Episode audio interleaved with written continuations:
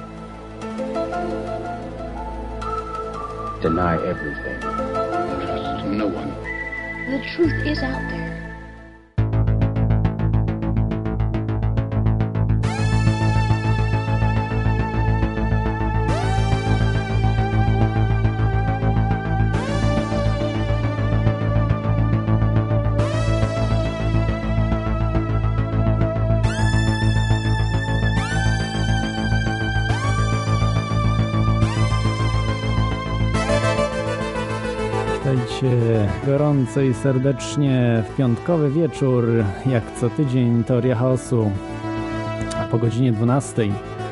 I jest to audycja, no do znudzenia powtarzam, o zjawiskach niewyjaśnionych i przede wszystkim spiskach. Yy, Dzisiaj, może tak, na wstępie zacznę od cytatu, bo temat już większość z Was wie, jaki będzie. Ale zacznę od cytatu. Tylko małe sekrety muszą być strzeżone, wielkie są trzymane w tajemnicy dzięki niedowierzaniu opinii publicznej. To powiedział Marshall McLuhan, który doskonale znał masonerię. Zresztą był takim, można powiedzieć, wizjonerem y, mediów. Dzisiaj jest bardzo często cytowany. On jako pierwszy użył takiego terminu globalna wioska e, gdzie, kiedy jeszcze internetu nie było, hmm, prawda? E, No i wiele, wiele innych rzeczy, o których opowiadał. E, No, masoni go za to bardzo nie lubili, za te rzeczy, które no po prostu mm, mówił ludziom to, czego nie powinien był mówić. Ale to już zostawmy może Marszala w spokoju, bo od wielu, wielu lat nie żyje, miał wielkie problemy zdrowotne, jak niektórzy może z Was wiedzą. No dobrze, to co to będzie mm, za audycja? Będzie to, mógłbym powiedzieć e, w skrócie, czerwony świt, czyli co mają wspólnego terminy iluminaci, komunizm, faszyzm, e, przepraszam, komunizm, na, e, nazizm. Tutaj to był mój błąd. Ale to jeszcze do tego wrócimy. Czwarta Rzesza, Unia Europejska, Międzynarodowa Finansjera oraz Watykan. Wydaje się na przeciętnemu człowiekowi, zjadaczowi chleba, w ogóle jest to pomieszane wszystko razem, wymieszane, jakiś miszmasz kompletny, e, mus e, truskawkowy i tak dalej, i tak.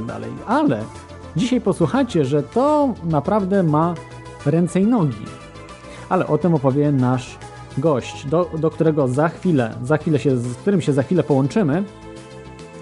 Jeszcze chciałbym tylko tak y, y, powiedzieć, chciałbym podziękować wszystkim, którzy pomogli audycji. Y, będzie mm, w przyszłości zrobię taką stronę z podziękowaniami. Wszystkim ludziom, którzy, którzy przyczynili się do, do, do w jakikolwiek sposób pomogli tej audycji, no i w ogóle różnym innym pobocznym też projektom. A tutaj chciałbym też podziękować ludziom, którzy wrzucają audycje nagrane właśnie mm, wcześniej. No ja mam po prostu troszeczkę urwanie głowy. Yy, nie, nie wyrabiam z wieloma rzeczami. Yy, dlaczego nie wyrabiam? To będzie na koniec audycji, także polecam zostać do końca. To się dowiecie dlaczego yy, sporo rzeczy jest do, do roboty w tej chwili. No poza takim zwykłym życiem, prawda? Bo to, to są projekty takie poboczne, ale może w przyszłości staną się y, po- podstawowe. Dobrze, może już nie będę więcej y, przynudzał. To jeszcze raz dziękuję właśnie, za, że wrzucacie, że piratujecie tę audycję, bo jest to na wolnej licencji, także można to y, roznosić jak tam się tylko podoba. Fajnie, jak gdzieś tam też umieścicie linka, prawda, do, do strony teoriachaosu.pl Także, no ale jak nawet nie będzie, no to, to nie ma tam aż jakieś tam e, problemu. Ważne, że jest, że ludzie mogą tego słuchać i no, że to się podoba. Także jeszcze raz wielkie dzięki. Dobrze, przechodzę może do tematu dzisiejszego. O co, o co w tym wszystkim chodzi? Jest to wszystko tak pokręcone, połączone y, dziwnie, wydawałoby się na pierwszy rzut oka i ucha niewprawnego człowieka. Y, ale ale, ale. Dzisiejszym gościem jest e, Marcin Dachtera. E, młody człowiek, student politologii, a napisał już książkę Ukryta historia e, oraz wykonał, wy, bierze udział w różnych wykładach, prelekcjach pod tytułem właśnie Czerwony Świt, którą możecie sobie zobaczyć w internecie. A wszystkim też tym, którzy chcą zobaczyć tą prezentację później, jest w, w, nowy, w tym linku na stronie teoriachaosu.com.pl jest link do tego, co do nowej audycji się przydaje, jakie informacje właśnie nowe są. Dobrze, nie będę przedłużał. Połączymy się z Marcinem. Ach, uciekł mi w tym momencie. Dobrze. Łączymy się w, te, w tej chwili z Marcinem. A przypominam, że to jest radio Kontestacja. Na żywo możecie słuchać audycji Teoria Chaosu i Skype możecie dzwonić kontestacja.com albo telefon 222 195 321 plus 48 dla zagranicy. Halo Marcinie, jesteś z nami? Tak, tak, jestem, jestem z Wami. E, witam wszystkich słuchaczy. O, wspaniale. Ja troszeczkę jeszcze przyciszę e, podkład i ruszamy. E, dobrze, chciałbym tak na, na wstępie powiedzieć, że e, dziękuję Ci, że tak szybko się zgodziłeś w ogóle na wystąpienie w audycji e, Teoria Chaosu. Ja muszę tak powiedzieć tutaj na wstępie, że jestem pod wrażeniem tej prezentacji. No, jesteś, jesteś jeszcze człowiekiem bardzo młodym, a już po prostu tak przetwarzasz informacje jak ludzie, którzy 20 lat siedzą w spiskach niemalże. Także no, to jest coś, coś niebywałego według mnie i może chciałbyś, nie wiem, dodać jeszcze coś o, o sobie, bo tak troszeczkę spłuciłem to wszystko, tyle gdzieś mogłem znaleźć o tobie w internecie. Mm, okej, okay, okej. Okay. To znaczy, jeżeli chodzi o kwestie merytoryczne, to jestem studentem e, trzeciego roku politologii na WSNHID w Poznaniu. E, jeżeli chodzi o temat e, związany z moimi zainteresowaniami, to interesuję się przede wszystkim historią, tą historią ukrytą, jak to też mawiał Balzac, historią haniebną. A jeżeli chodzi o dalsze zainteresowania, to teologia, E, no i e, oczywiście jako taki okultyzm, czyli świat symboli, o których nic nie wiemy. Mhm. Rozumiem, dobrze. Yy, to, to może tak na wstępie, jako taką na rozgrzewkę, yy, jako że audycja, właśnie Toria Chaosu ma taki amerykański trochę klimat, więc zachowam się jak typowy Amerykanin i zadam pytanie na wstępie, takie jak Hitchcock mawiał Trzęsienie Ziemi. Czy jesteś agentem NWO? I chyba mi nie płacą, chyba. No tak, ale no taka wiedza po prostu w tak młodym wieku. Wiesz, ja powiem ci takie coś, taki skojarzyło mi się to od razu, y, twoja osoba z filmem Faceci w czerni. Czy oglądałeś y, jedynka, y, oglądałeś film Faceci w czerni, Men in Black? Z... No, pewnie, że oglądałem, tam bije się kosmitów, którzy mają jądra pod brodą. No tak. Fenomenalny film, bardzo, bardzo zabawny. I tam była taka scena, bardzo mi się podobała. Y, do tej pory ją pamiętam, mam cały czas gdzieś e, przed oczami. Jak y, Will Smith, y, on grał agenta, już nie pamiętam W, czy tam jakiegoś tam później agenta, ale policjanta, który brał udział w testach na, znaczy, tak, dla kandydatów na właśnie tych Men in Black, na tych właśnie facetów czerni. No i tam byli z jakichś najlepsi z najlepszych po prostu. I on jakoś tam przypadkiem trafił. No i była, pamiętam, symulacja strzel strzelanie tam do różnych jakichś rzeczy. Wszyscy do potworów, jakieś potwory się pojawiają, kosmici, wszystko naraz yy, zaczynają strzelać do nich, a Will Smith oddał tylko jeden strzał yy, do, do dziewczynki. Centralnie chyba w głowę nawet ją pocel, znaczy w, w, postrzelił. Oczywiście to była symulacja. No i, i, po prostu się zapytali, dlaczego, dlaczego on to zrobił. No on powiedział, że no, tro, trochę dziwne jest, że dziesięcioletnia dziewczynka trzyma książkę Teorie względności Alberta Einsteina. No i z tobą trochę też tak chyba jest, prawda?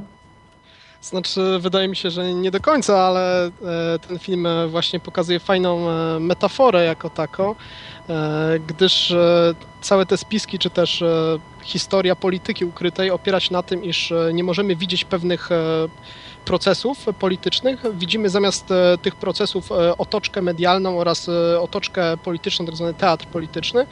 Natomiast podskórnie dzieją się procesy związane z finansowaniem pewnych partii, finansowaniem ideologii, które E, jako taką nigdy nie ukażą się e, w mediach głównego nurtu, gdyż, e, jak to mówił prezes CBS News Richard Saland, nasza praca polega na dawaniu ludziom nie tego, czego chcą, ale tego, co my uważamy, że powinni dostać.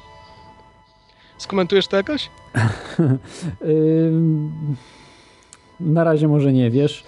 Myślę, że myślę, że na razie zróbmy sobie taką króciusieńką przerwę i zaraz po prostu y, zaraz y, wrócimy. Mm, okej, okay, okej. Okay. Wrócimy na, no, na, na antenę. Dobrze, tutaj jakoś puszczę. Tak, może, żeby troszeczkę rozluźnić atmosferę jeszcze, to puszczę wam ojca Kontysteusza. Czyli, no wiecie o kogo chodzi, ale posłuchajcie proszę. Tak, szczęść Boże wszystkim kontestatorom. No, działo się dużo w tym tygodniu. Posłuchałem trochę tego radia, kontestacja i może pierwsze nasze opinie na temat tego medium były zbyt pochopne. Widać, że jest tam także bardzo wielu takich, którzy myślą po katolicku i po polsku myślą ojczyzną. Mm, tak, jest Jan Pietrzak. Posłuchałem sobie audycji, gdzie zaproszeni byli ojcowie, którzy piękne i wartościowe rzeczy mówili. No i oczywiście od razu pojawiły się wściekłe, ordynarne ataki. Mm, tak, y, na szczęście okazało się, że to jest jedna i ta sama osoba. Mm, tak, no właśnie, ten cały krawiec, tak, to jest wszystko grubymi nićmi szyte. Nikt tego człowieka nie zna, nikt go nie widział, nie wiadomo jak się nazywa.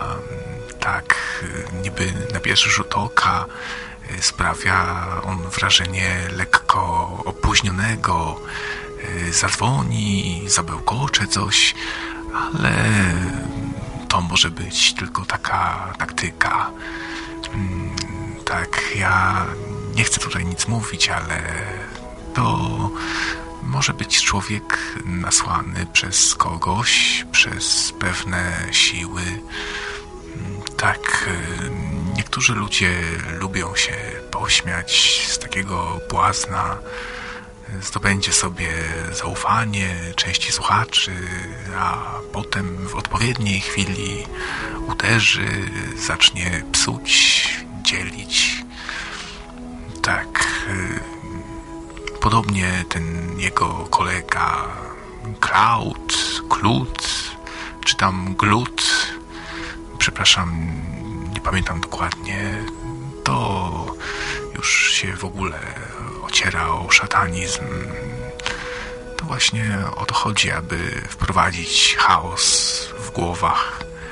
Jakaś mieszanka New Age, magii, narkotyki, kosmici jacyś. To o to chodzi, aby ludziom zrobić jakąś taką właśnie teorię chaosu w głowach i zatruć to radio. Tak, może ci ludzie są po prostu w zmowie, ale na szczęście w kontestacji są także porządni mądrzy ludzie, znający historię, którzy budują kontestację na skalę i robią obławę na takich jak ci, co atakują i niszczą. Oni powinni być kompasem dla innych, y, a nie tam jacyś narkomani z kosmosu. Tak, y, myślę, że rodzina Radio Maryja, która już nieraz wspomagała darem serca kontest dzieła, nie zapomni o tym radio. Mm, Tak, y, ja tylko tyle chciałem powiedzieć. Y, Aleluja i kontestować, kontestować, kontestować tę medialną papkę serwowaną przez Gazetę Wyborczą i inne mm, samą kontestację kontestować w katolickim duchu i usuwać to, co szkodliwe, ale usuwać z miłością, bez nerwów, agresji. Mm, Tak, no to tyle. Dziękuję, przepraszam i szczęść Boże.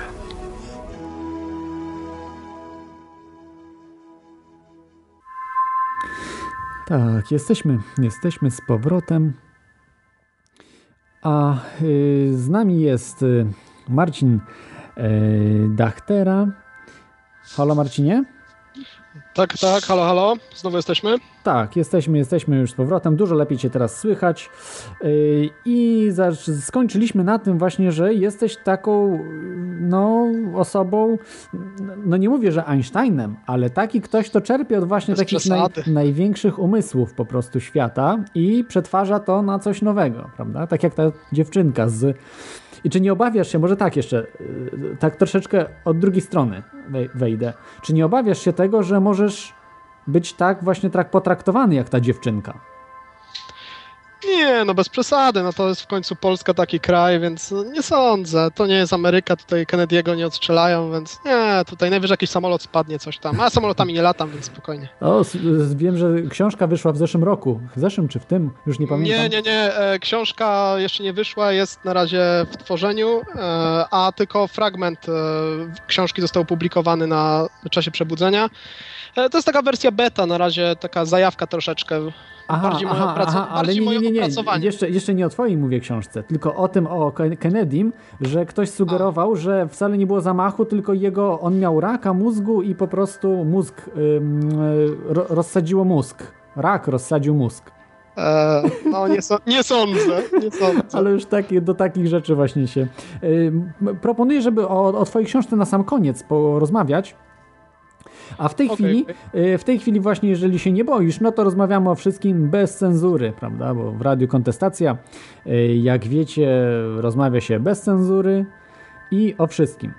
Y, Także dobrze. Mm, W tej, w tej chwili chciałbym się zapytać o Twoje może inspiracje, no bo wydaje się, że nie, y, nie odkryłeś Ameryki na nowo, prawda? Znaczy, nie doszedłeś do wszystkiego sam, prawda? Że musiałeś czerpać y, z wiedzy innych różnych osób, które poświęciły mnóstwo czasu na badanie i w odpowiedni sposób to przetworzyć. Kto właśnie był taką inspiracją dla Ciebie? Znaczy, w kwestii inspiracji nie było takiej e, jedno, jednolitej inspiracji jakiejś osoby, która wywarła szczególny wpływ na moją wiedzę czy też na moje zainteresowania. Już od e, młodości zainteresowałem się starożytnymi kulturami, historią, e, no i podważaniem tego paradygmatu oficjalnego, który no, czasami nie trzyma się kupy jako tako. Jeżeli chodzi o kwestie e, ludzi, którymi się inspiruję, no to oczywiście klasycy tacy jak Jordan Maxwell, czy troszkę młodsi e, klasycy tacy jak Antony Hilder, czy e, Michael Tsarion. E, No i oczywiście wielu, wielu innych, tam czasami też David Icke, ale to bez przesady. Boisz się reptylian? Znaczy nie boję się, ale nie uważam, że ta teoria jest zgodna z prawdą. O, to się naraziłeś tutaj wielu słuchaczom, bo większość to ulubiony temat większości słuchaczy właśnie. Mój też jest ulubiony, bardzo mnie bawi. No, jeżeli byłby prawdziwy, to nie wiem, czy byłby tak zabawny. No wtedy byłoby tym bardziej zabawnie. Oznaczyłoby, że się mylę w całej e, w rozciągłości. Ja, ja w sumie nie wiem jak jest, ale też raczej wydaje mi się to, y, to znaczy, bo tak naprawdę nawet jeżeli byśmy mieli tą wiedzę, to co ona nam daje, jeżeli cywilizacje, oni powiedzmy są cywilizacją drugiego typu, my jesteśmy cywilizacją zerowego typu, no to... Nic nam nie daje. No nic nie E, daje, Jesteśmy nie mamy... straceni. tak. Jesteśmy straceni. To jest defetyzm absolutnie bezsensowny, bo nie zyskujemy poprzez tą teorię nic, a tracimy praktycznie wszystko. Tak, że, że praktycznie nic nie, można, nic nie można zrobić. E, Dobrze, proponuję zostawić tych reptilian i innych rzeczy, czyli jak mówiłeś, Jordan Maxwell, tak? Na pierwszym miejscu to podejrzewam, że on taką, no chyba on całe życie poświęcił, tak? Na badanie. e, Absolutnie jest to człowiek, którego e, polecam Państwu sprawdzić, wejść na stronę jordanmaxwell.com. Tam jest niesamowita ilość różnych materiałów, książek, które Państwu polecam także. Sam czytałem większość tych książek i większość tych linków. Jest to no, niesamowita kopalnia wiedzy, człowiek, instytucja jako tako, no, podważany jedynie tak naprawdę przez e, grupy chrześcijańskie. O, wchodzimy na grząski grunt. Bo jakbyś, jakbyś powiedział katolickie, to nie byłoby problemu, a chrześcijańskie Nie, to... chrześcijańskie, tylko i wyłącznie chrześcijańskie, No, całe. to- czyli co, bę- bę- będzie obraza miliarda ludzi na antenie. Nie, czemu? Nie, ja się, nie oczywi, oczywiście ja się śmieję z tego trochę, nie w sensie, że śmieję się z ludzi, którzy wierzą, bo y, na przykład y, też Jordan Maxwell o tym mówi, że on bardzo ceni duchowość ludzi, y, po prostu nie, nie przy, y, przy, s- przysanie się do życia, tak jak przywra jakaś y, do, do tego materialnego życia, że to jest y, jeszcze gorsze uważam niż to, że ma się jakieś życie duchowe, jakieś takie, no to odróżnia nas przede wszystkim od zwierząt, to daje nam wiel, wielką kreatywność, wie, wiele różnych rzeczy.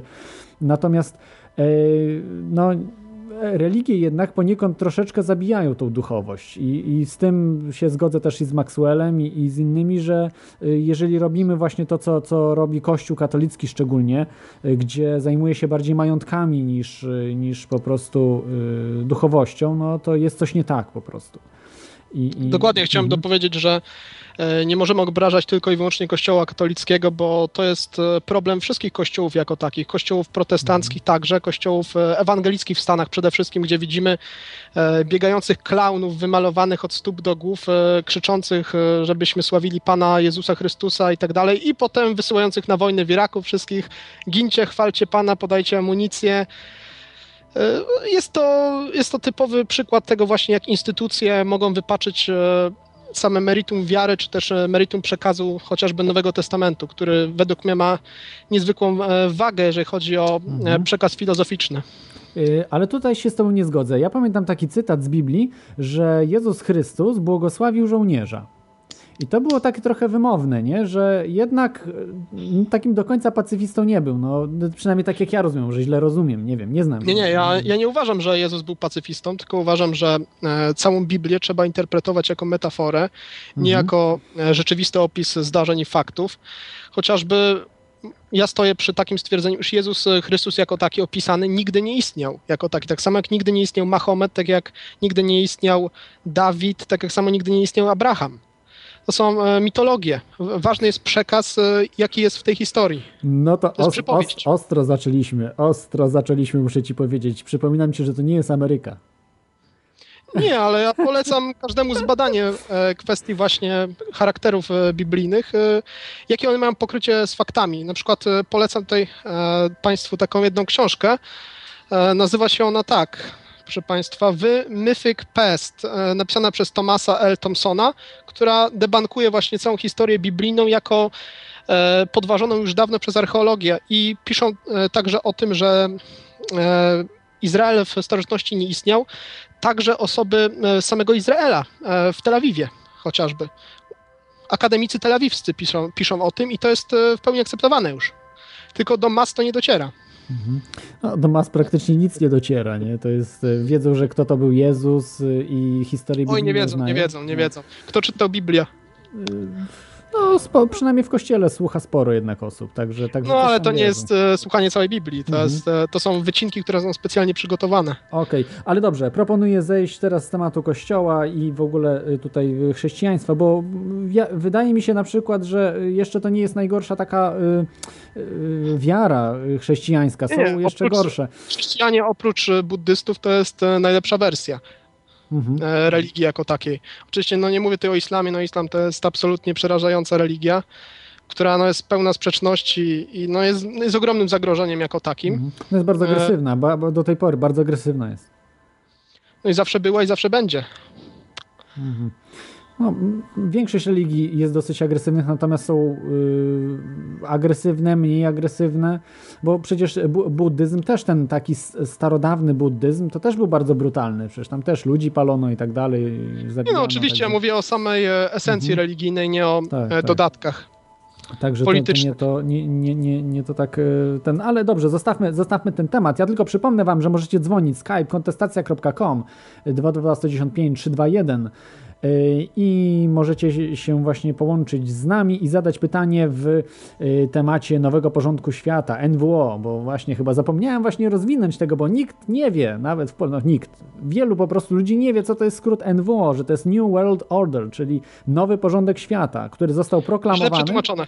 Jest to źle przetłumaczone z Wergiliusza, który pisał o nowym porządku wieków.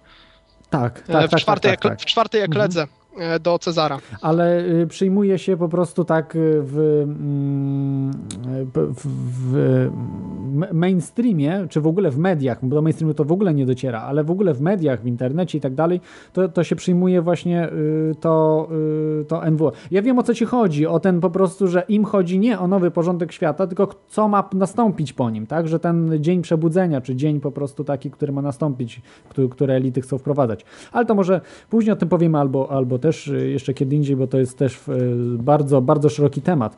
To może tak, to może...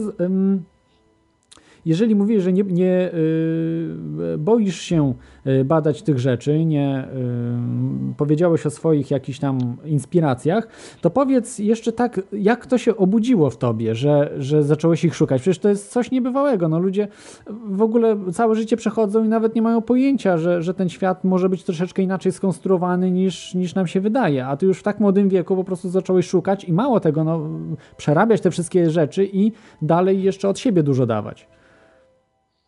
Znaczy, jeżeli chodzi o kwestię mego zainteresowania tematami alternatywnymi, no przejawiało się to u mnie już od e, młodego wieku, kiedy lubiłem studiować e, historię starożytną. Już rodzice przynosili mi pierwsze książki, gdzie tak naprawdę byłem jeszcze e, w podstawówce. Następnie był jakiś taki regres związany właśnie ze szkołą oraz z programowaniem szkolnym. E, No i dopiero w gimnazjum zacząłem zauważać e, programowanie społeczne, kiedy na przykład udało nam się z kolegą wyrwać ze szkoły, zasiadliśmy sobie na ławce i zaczęliśmy rozmawiać poważnie o życiu, o sprawach e, poważnych, nie o, nie o kwestiach szkolnych, czy o kwestiach takich czysto merkantylnie życiowych. No i zaczęliśmy patrzeć na świat w zupełnie inny sposób, tak z zewnątrz, jakby z obok systemu, gdyż udało nam się wyrwać na chwilę z tego oto systemu, więc nasz punkt widzenia został przeniesiony i zaczęliśmy widzieć e, to na przykład, że zawsze ten sam pan idzie z taką samą miną, tą samą drogą w to samo miejsce i zawsze tak samo przeklina i zawsze idzie takim samym krokiem, trzyma tą samą teczuszkę i te same osoby idą zawsze tak samo. Jest to idealne ukazanie tego, co, o czym mówi chociażby film Matrix. Żyjemy właśnie w Matrixie i żyjemy w systemie jako takim. System jest zaprogramowany, zaprogramowany, zaprogramowany po- poprzez e, trzy podstawowe programy, poprzez program finansowy, czyli to, że bez pieniędzy człowiek nie może żyć, e, nie może mieć paliwa, nie może kupić jedzenia, nie może e, ogrzać się jako tako, poprzez religię i poprzez rząd. Czyli są te e, trzy podstawowe e, części systemu, które tworzą system społeczny, w którym my żyjemy. Mhm. Dobrze, przepraszam, że ci przerwę. Mamy y, słuchacza, pierwszego słuchacza. Halo słuchaczu. Ma- Mateusz jest, tak? Z nami? Witamy, witamy. Halo? Przede wszystkim trzeba przyciszyć radio. Wyłączyć radio, proszę. Nie, to chyba niestety. Coś tam szumi. Coś szumi, niestety musiałem odłączyć słuchacza. Yy, Przede wszystkim trzeba, yy, jak wiemy z znanego radia toruńskiego, przede wszystkim wyłączamy radio, a tutaj nie wiem co, komputer, Winampa czy coś, cokolwiek macie, bo teraz też w radiu można słuchać, są radia internetowe, nie wiem czy wiecie. Podłącza się radio, do niego kabelek albo przez Wi-Fi i mamy sygnał po prostu z internetu w normalnym radiku, które w kuchni nam sobie gra, prawda? Jeżeli mam internet w domu oczywiście, albo łapiemy, nie wiem, internet skądś tam z, od palikota darmowy czy coś. Yy, czyli, czyli rozumiem, yy, tak, jak, tak jak powiedziałeś, że y, zainspirowały się z- z- stopniowo, prawda? y, W, w tym To rozwoju. był proces jako tako. Tak. Ja, ja, mhm. Stopniowo przeszedłem od e, ignorancji do e, dość sporego zrozumienia sytuacji e, świata, w jakim żyjemy. Oczywiście no, nie jest to pełne zrozumienie, jak to świetnie powiedział Sokrates, wiem, że nic nie wiem. Nie powinniśmy oczywiście ufać ludziom, którzy mówią, że znają całą prawdę, gdyż nikt nie zna całej prawdy. To jest niebezpieczne właśnie, że demagogowie pociągną masy mówiąc, że znają całą prawdę, które uważają, że nie znają e, w ogóle żadnej prawdy i nie chcą tej prawdy poznać nigdy tak naprawdę. Ale to mogą być też, y, ja uważam, y, może agenci to za dużo powiedziane, ale ludzie, którzy tworzą ten, tą piramidę na wyższych szczeblach i oni mają po prostu za zadanie coś robić, że mają tą pozycję jakąś, ale mają coś do zrobienia. I tak na przykład w polityce polskiej czy w polityce zagranicznej mnóstwo jest właśnie takich, takich osób, y, które, y, no, które mają coś za zadanie zrobić, prawda? Tak jak Olechowski na przykład w Polsce, czy y, no, być może Palikot, tego nie wiem, to, to trzeba było się tam dowiedzieć, doczytać więcej, ale, ale sporo jest tak w innych krajach, prawda? Ludzi, którzy którzy są pomieszczani w różnych miejscach, także takich niby, którzy propagują spiski. Podejrzewam, że też mogą być. Natomiast e, no zawsze, zawsze rozpoznawać łatwiej po, ła- najłatwiej po owocach prawda, człowieka i to, to tutaj e, raczej e, dosyć ła- łatwe to jest.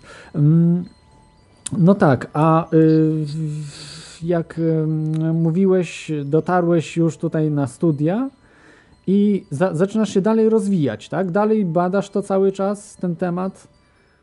Mm, Tak jest, jeżeli chodzi o e, właśnie studia, to odciąłem się od e, studiów e, związanych właśnie z badaniem tego, co mainstreamowa agenda przewiduje dla nas. No jak wiemy, Ministerstwo Edukacji ma swoje plany, my mamy swoje plany, a ja mam swoje zupełnie jeszcze inne plany. No czy udaje mi się dzięki jakiejś tam wrodzonej, nie wiem, inteligencji czy sprytowi przejść koło tego systemu i zdawać swoje egzaminy, jednakże zajmując się zupełnie czymś innym. Właśnie teraz przygotowuję na niedzielę kolejne dwa e, wykłady o czwartej Rzeszy oraz e, następny, troszkę bardziej kontrowersyjny na temat bogów Edenu, które będą dostępne, proszę Państwa, już e, w poniedziałek bądź też we wtorek na serwisie YouTube. Tak jak poprzednie moje wykłady, na które Państwa zapraszam serdecznie. Mhm. Będą linki, zawsze po zakoń... jak będzie udostępniona audycja, to będę podawał wszystkie dokładnie linki. Zresztą teraz możecie też wejść na stronę teoriachaosu.com.pl i tam jest y, materiały do nowego odcinka i, i tam jest właśnie twój podlinkowany y, do, do twój wykład, jeżeli ktoś będzie zainteresowany, ale to polecam po, jak już nie zdążyliście wysłuchać tego wcześniej, to wysłuchajcie audycji do końca, bo jak już jesteście, to szkoda by po prostu było tracić tego możliwości zadania pytania. Dokładnie.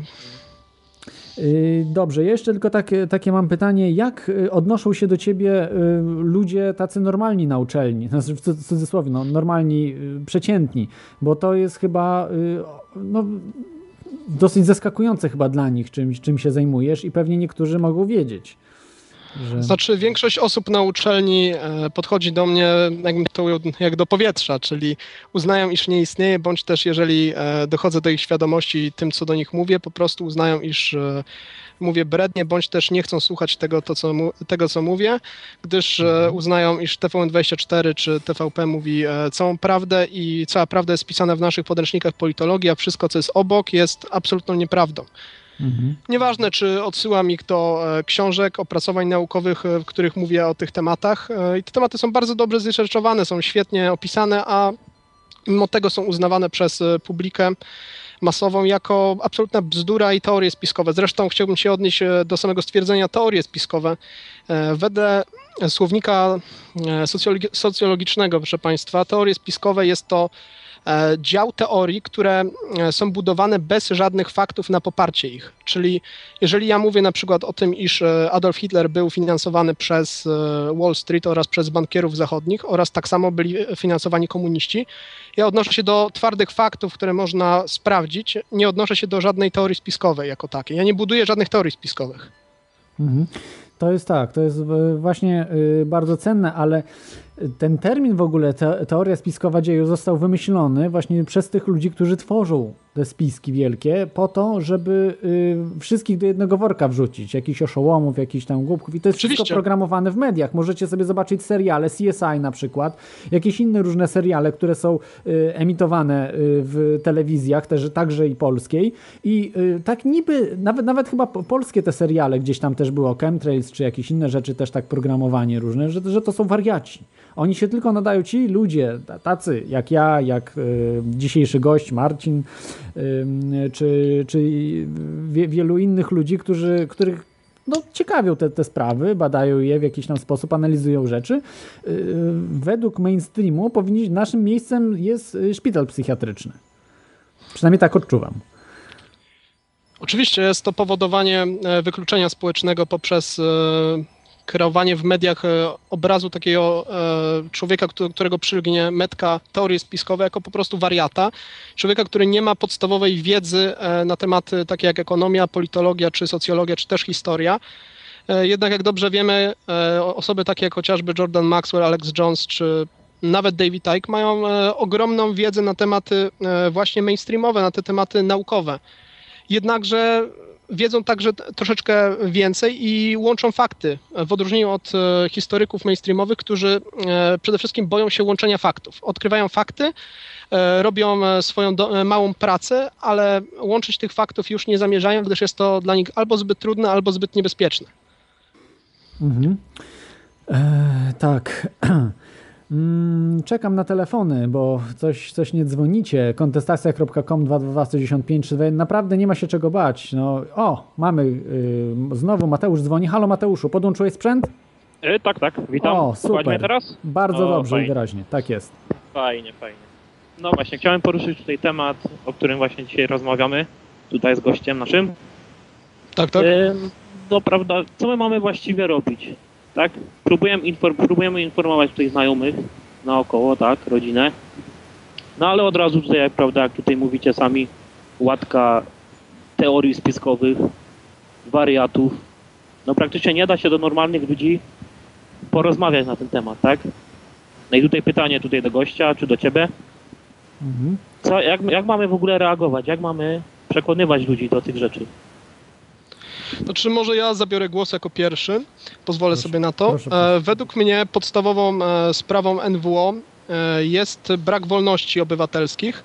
Powinniśmy walczyć nie poprzez uświadamianie ogólnej ludności, czyli tego procenta pełnego ludności o spiskach, tylko powinniśmy uświadamiać o braku wolności obywatelskich, o tym właśnie, o czym uświadamia chociażby Janusz Korwin-Mikke, o totalniactwie jako takim, bo podstawą systemu NWO będzie absolutna kontrola każdej jednostki, absolutna kontrola i ekonomiczna, i wolnościowa, czyli społeczna. E, Więc powinniśmy być za całkowitą wolnością. Więc jeżeli szerzymy wolny rynek, szerzymy e, nacjonalizm, szerzymy e, wszystkie ideologie, które są związane z decentralizacją władzy na świecie oraz w państwie, e, przeczymy e, tym właśnie e, ideologią, global, e, ideologom globalizmu, czyli e, tego właśnie nowego porządku świata. No tak. A ja może tak tylko dodam tutaj, że ja, jak bronić się przed tymi po prostu atakami z innych stron, po prostu olać je. Totalnie olać No je. tak. Y, Ja, ja tak robię. Generalnie nie wdawać się w dyskusję z ludźmi. y, Ja to nazywam, zresztą to też ściągnąłem od tam innych, czy od Davida Icka, czy jakichś tam e, lightworkerów, czy innych ludzi y, niskowibracyjnych. Czyli takich ludzi, którzy y, w głowie mają y, taki nihilizm. Y, Może nie w sensie, że oni tam, bo mogą mieć i swój biznes, jakoś sobie w życiu radzić, ale po prostu niszczą. Niszczą w sensie innych ludzi. Nie, mm, nie mają w sobie tej empatii jakiejś, nie mają w sobie uczuć i y, zostawiają po sobie gruz. Nie w sensie budynku, tylko w sensie, w sensie emocjonalnym. I z takimi ludźmi nie warto nawet dyskutować, bo po co? Y, Czy na przykład z takim Tomaszem Lisem warto było dyskutować? Nie warto, bo y, wiem, że tam w internecie był jakiś filmik, że on chciał już jednego człowieka bić, jak już mu się skończyły ar- argumenty. Y, Także y, z takimi ludźmi nie ma sensu wchodzić. Oni po prostu sami muszą dojść do, do poziomu jakiegoś e, elementarnego, żeby z nimi dyskutować. Natomiast z innymi ludźmi, którzy są normalnie otwarci, w miarę minimalnie otwarci, no to swobodnie możemy y, z nimi rozmawiać, a jeżeli uznają nas za wariatów, y, chorych psychicznie, no to trudno, no to nie musimy się z nimi spotykać, prawda? Nie, nie każdy musi być naszym przyjacielem, ale na pewno znajdziesz takich ludzi, których, y, którzy będą nadawali na, na takich falach jak ty. I, i Tak, tak. no to, jest, to jest dużo cenniejsze. Taki przyjaciel, y, y, któ- którego będziesz miał jednego na dwóch, trzech, jest dużo cenniejszy niż milion znajomych. Wiadomo. Cen- Także Tutaj jeszcze tak. pytanie do ciebie, Klot, na koniec. E, co ty sądzisz o Korwinie? znowu, znowu chcesz reklamę zrobić, tak? Żeby znowu Nie, nie, nie, nie, nie. zareklamował gdzieś tam. Dobrze, ja już dziękuję. Dziękuję, To dzięki. dalej. Dzięki. Żegnamy, żegnamy. Na razie, cześć. O Korwinie co sądzę? Yy, no... Co, co, co mam sądzić? No, to generalnie już powiedziałem, co jest. Bardzo go cenię. Jest świetnym publicystą. Uważam, że yy, powinien odejść już dawno, powinien był odejść z polityki, bo yy, bardzo niszczy, jeśli chodzi o politykę. Natomiast publicystykę, no to jest yy, według mnie bardzo dobrym yy, publicystą. Słuchaj, a co ty sądzisz o Korwinie Mikke? Moim zdaniem Korwin-Mikke jest e, postacią sztandarową polskiego ruchu wolnościowego. Mm, Także zgadzam się z tobą, iż powinien odejść z polityki, jednakże nie powinien odejść już dawno, tylko po tych wyborach. Nie chodzi tu oczywiście o kwestię antypatii do samej osoby Janusza Korwina-Mikke, jednakże chodzi o podstawową sprawę polityczną, e, iż e, sam Janusz Korwin-Mikke jest człowiekiem instytucją, przez to przeszkadza w budowaniu e, partii jako takiej gdzie nie promują się młodzi ludzie związani z ruchem wolnościowym, tylko każdy kojarzy ruch wolnościowy właśnie z panem Januszem Korwin-Mikke. Mamy, mamy kolejnego słuchacza. Kołkman jest z nami. Witaj, Kołkmanie. Dobry wieczór, towarzysze. Tego nie ja, towarzyszy. Nie towarzysze. Słucham? Tylko nie towarzysze. A właśnie dlaczego nie? Bo y, ja mam tutaj pytanie od, odnośnie źródeł, źródeł, z jakich ty czerpiesz, y, panie Marcinie, bo Tak, tak, tak. y, czy to są głównie takie książki, nie wiem, publikacje libertariańskie, antyrządowe, czy na przykład y, docierasz też do jakichś liberta- do takich y, lewicowych y, tekstów, nie wiem, na przykład Tad Nate pisał o korporacjach, gangach Ameryki, nie wiem, co sądzisz o takich ludziach, ludziach, którzy na przykład obnażają bezsilność korporacji, nie wiem, Chomsky, Klein, Mm, oczywiście czytałem książki Naomi Klein, które zresztą wszystkim polecam, przede wszystkim Doktrynę Szoku oraz... E, e, No korpo- e, Dokładnie, no logo, dokładnie, no logo, tą czarną książkę. E, No oczywiście zgadzam się z kwestiami e, antykorporacjonizmu. Uważam, iż e, w społeczeństwie w pełni wolnym korporacje powinny być e, mocno e, przytrzymane, chociażby poprzez e, zniesienie statusu prawne, e, prawnego e, korporacji jako osoby prawnej. E, Wtedy osoba, która steruje korporacją, będzie w pełni odpowiedzialna osobiście za to, co ta korporacja będzie robiła. E, A nie tak jak teraz, że tylko sama korporacja zapłaci pieniądze, nieważne ile osób zginęło poprzez na przykład wyciek roki, ropy, które, które były spowodowane e, niekompetencją osób, które zarządzają tą ową e, korporacją. Jeżeli chodzi o e, dalszą kwestię pytania, które tutaj zadałeś, e, Moje źródła informacji są bardzo rozproszone od właśnie e, ludzi takich jak Murray Rothbard, e, czy też Ludwig von Mises jego książka epokowa, wręcz e, Biblia Libertarian, ludzkie działanie, e, do takich e, chociażby hiszpańskich, katolickich e, libertarian jak Jezus Huerta de Soto, do osób, które mają bardzo dziwne przekonania, jak na przykład Henryk Pająk czy Lady Queen Borough, bądź też Robert Hewitt Brown, które książki bardzo Państwu polecam. Także interesuję się ludźmi, którzy mają związki z wielką finansjerą, a są fantastycznymi e, badaczami, chociażby James Billington, który napisał fantastyczną książkę Fire in the Minds of Men, omawiającą e, ruch e, komunistyczny i jego prawdziwe źródła oraz inspiracje. Polecam także Państwu książki e, zbanowanego w pełni e, historyka harwardzkiego Antonego C. Satona, który e, Mhm. omawia, omawia w swoich e, publikacjach to, e, kto e, płacił za nazizm, kto płacił za faszyzm, za komunizm. No E, właśnie, no wiesz, na- poczekaj, poczekaj. Chciałbym właśnie ten wątek pociągnąć. Te wszystkie książki, większość z tych, tych książek mówiliście, one są oczywiście na Amazonie pewnie po angielsku, prawda? Po polsku, no to, to E, masz no tylko Pająka i tych, i tych Austriaków e, ekonomicznych. E, No niestety, niestety tak, e, pewne tematy po polsku praktycznie nie istnieją. Mhm, dobrze, natomiast właśnie tego, tego Satona, ty czytałeś tego Satona yy, i powiedz mi właśnie, czy poza Satonem ktoś jeszcze mówi dokładnie jak, ile tego, ile tego złota wytransferowano y, ze Związku Radzieckiego, to jeszcze chyba z Rosji Radzieckiej, bo to 21-22 rok chyba był. Y, może przybliżysz nam szczegóły właśnie, kto, ten, kto, te, kto tych Sowietów de facto finansował, prawda? Pokazuje się, że to jednak burżuje finansowali, że to nie było zgodne z Marksem. Oczywiście. Cała kwestia finansowania właśnie Sowietów była związana z Wall Street, była związana także z ludźmi takimi jak e, chociażby Kuhn czy Leb. E, Ludzie tacy jak chociażby Paul Warburg e, też byli właśnie związani z tym finansowaniem. Chociażby sam Józef Stalin mówił, że dwie trzecie przemysłu e, ZSRR jest dzięki pomocy Stanów Zjednoczonych, zaś jedna trzecia przemysłu jest dzięki pomocy Niemiec, Francji, Wielkiej Brytanii oraz Szwajcarii. Mhm, znaczy, no, gdzie, był, gdzie był Trocki w 1916, prawda? W Nowym Jorku był szkolony za pieniądze Morganów oraz Rockefellerów w stolicy światowego komunizmu, jaką jest Nowy Jork. Mhm. Czyli zimna wojna to była tak czy siak wielk, wielka mistyfikacja i pewnie tam wiele wątków, E. które dzisiaj poruszysz, to są mistyfikacje, na przykład wojny religijne, nie, nie jedne. Oczywiście, wojna, oczywiście. Wojna angielsko-amerykańska 1812 roku też była mistyfikacją. Mm, Nie do końca, nie była w pełni mistyfikacją. Niektóre osoby mogły być e, agentami brytyjskimi, takie jak chociażby Benjamin Franklin. E, Jednak e, niektórzy masoni byli naprawdę za e, wolnością, przez co zostali przeklęci przez Watykan, jak i przez e, koronę brytyjską na wsze czasy. Jedna, e, jednak już e, w 1871 roku e, powstało e, inny rząd pod koroną brytyjską, The United States Corporation, który przywrócił właśnie władzę e, Wielkiej Brytanii nad Stanami Zjednoczonymi. A czym to się objawiło? Czy na przykład przywrócenie standardu złota dwa lata później, pełni standardu, odejście w ogóle od, od tego rządowego pieniądza, który jednak sobie krążył, y, czy to też było związane?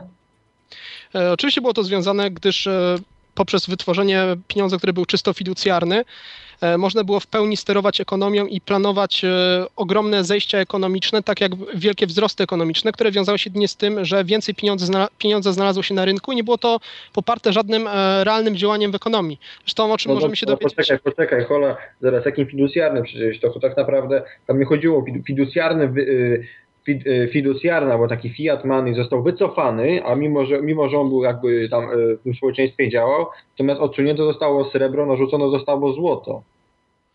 No tak, ale złe. następnie. Aha, no ale następnie złoto też zostało odrzucone. Ja mówiłem o tym, przepraszam. później tak. Się nie zrozumieliśmy. Natomiast- No właśnie natomiast- mówiłem o tej sytuacji, bo to był e, świadomy proces odchodzenia od e, standardów e, kruszcu jako takiego. Mhm. Y, Proponuję może te ekonomiczne. Zresztą o czym ostatnio tak, Paul, flagi, bo widziałem kiedyś tego- wykład w tych flagach. ha, Halo? ha, halo, jesteśmy, tak, słyszymy się, słyszymy się.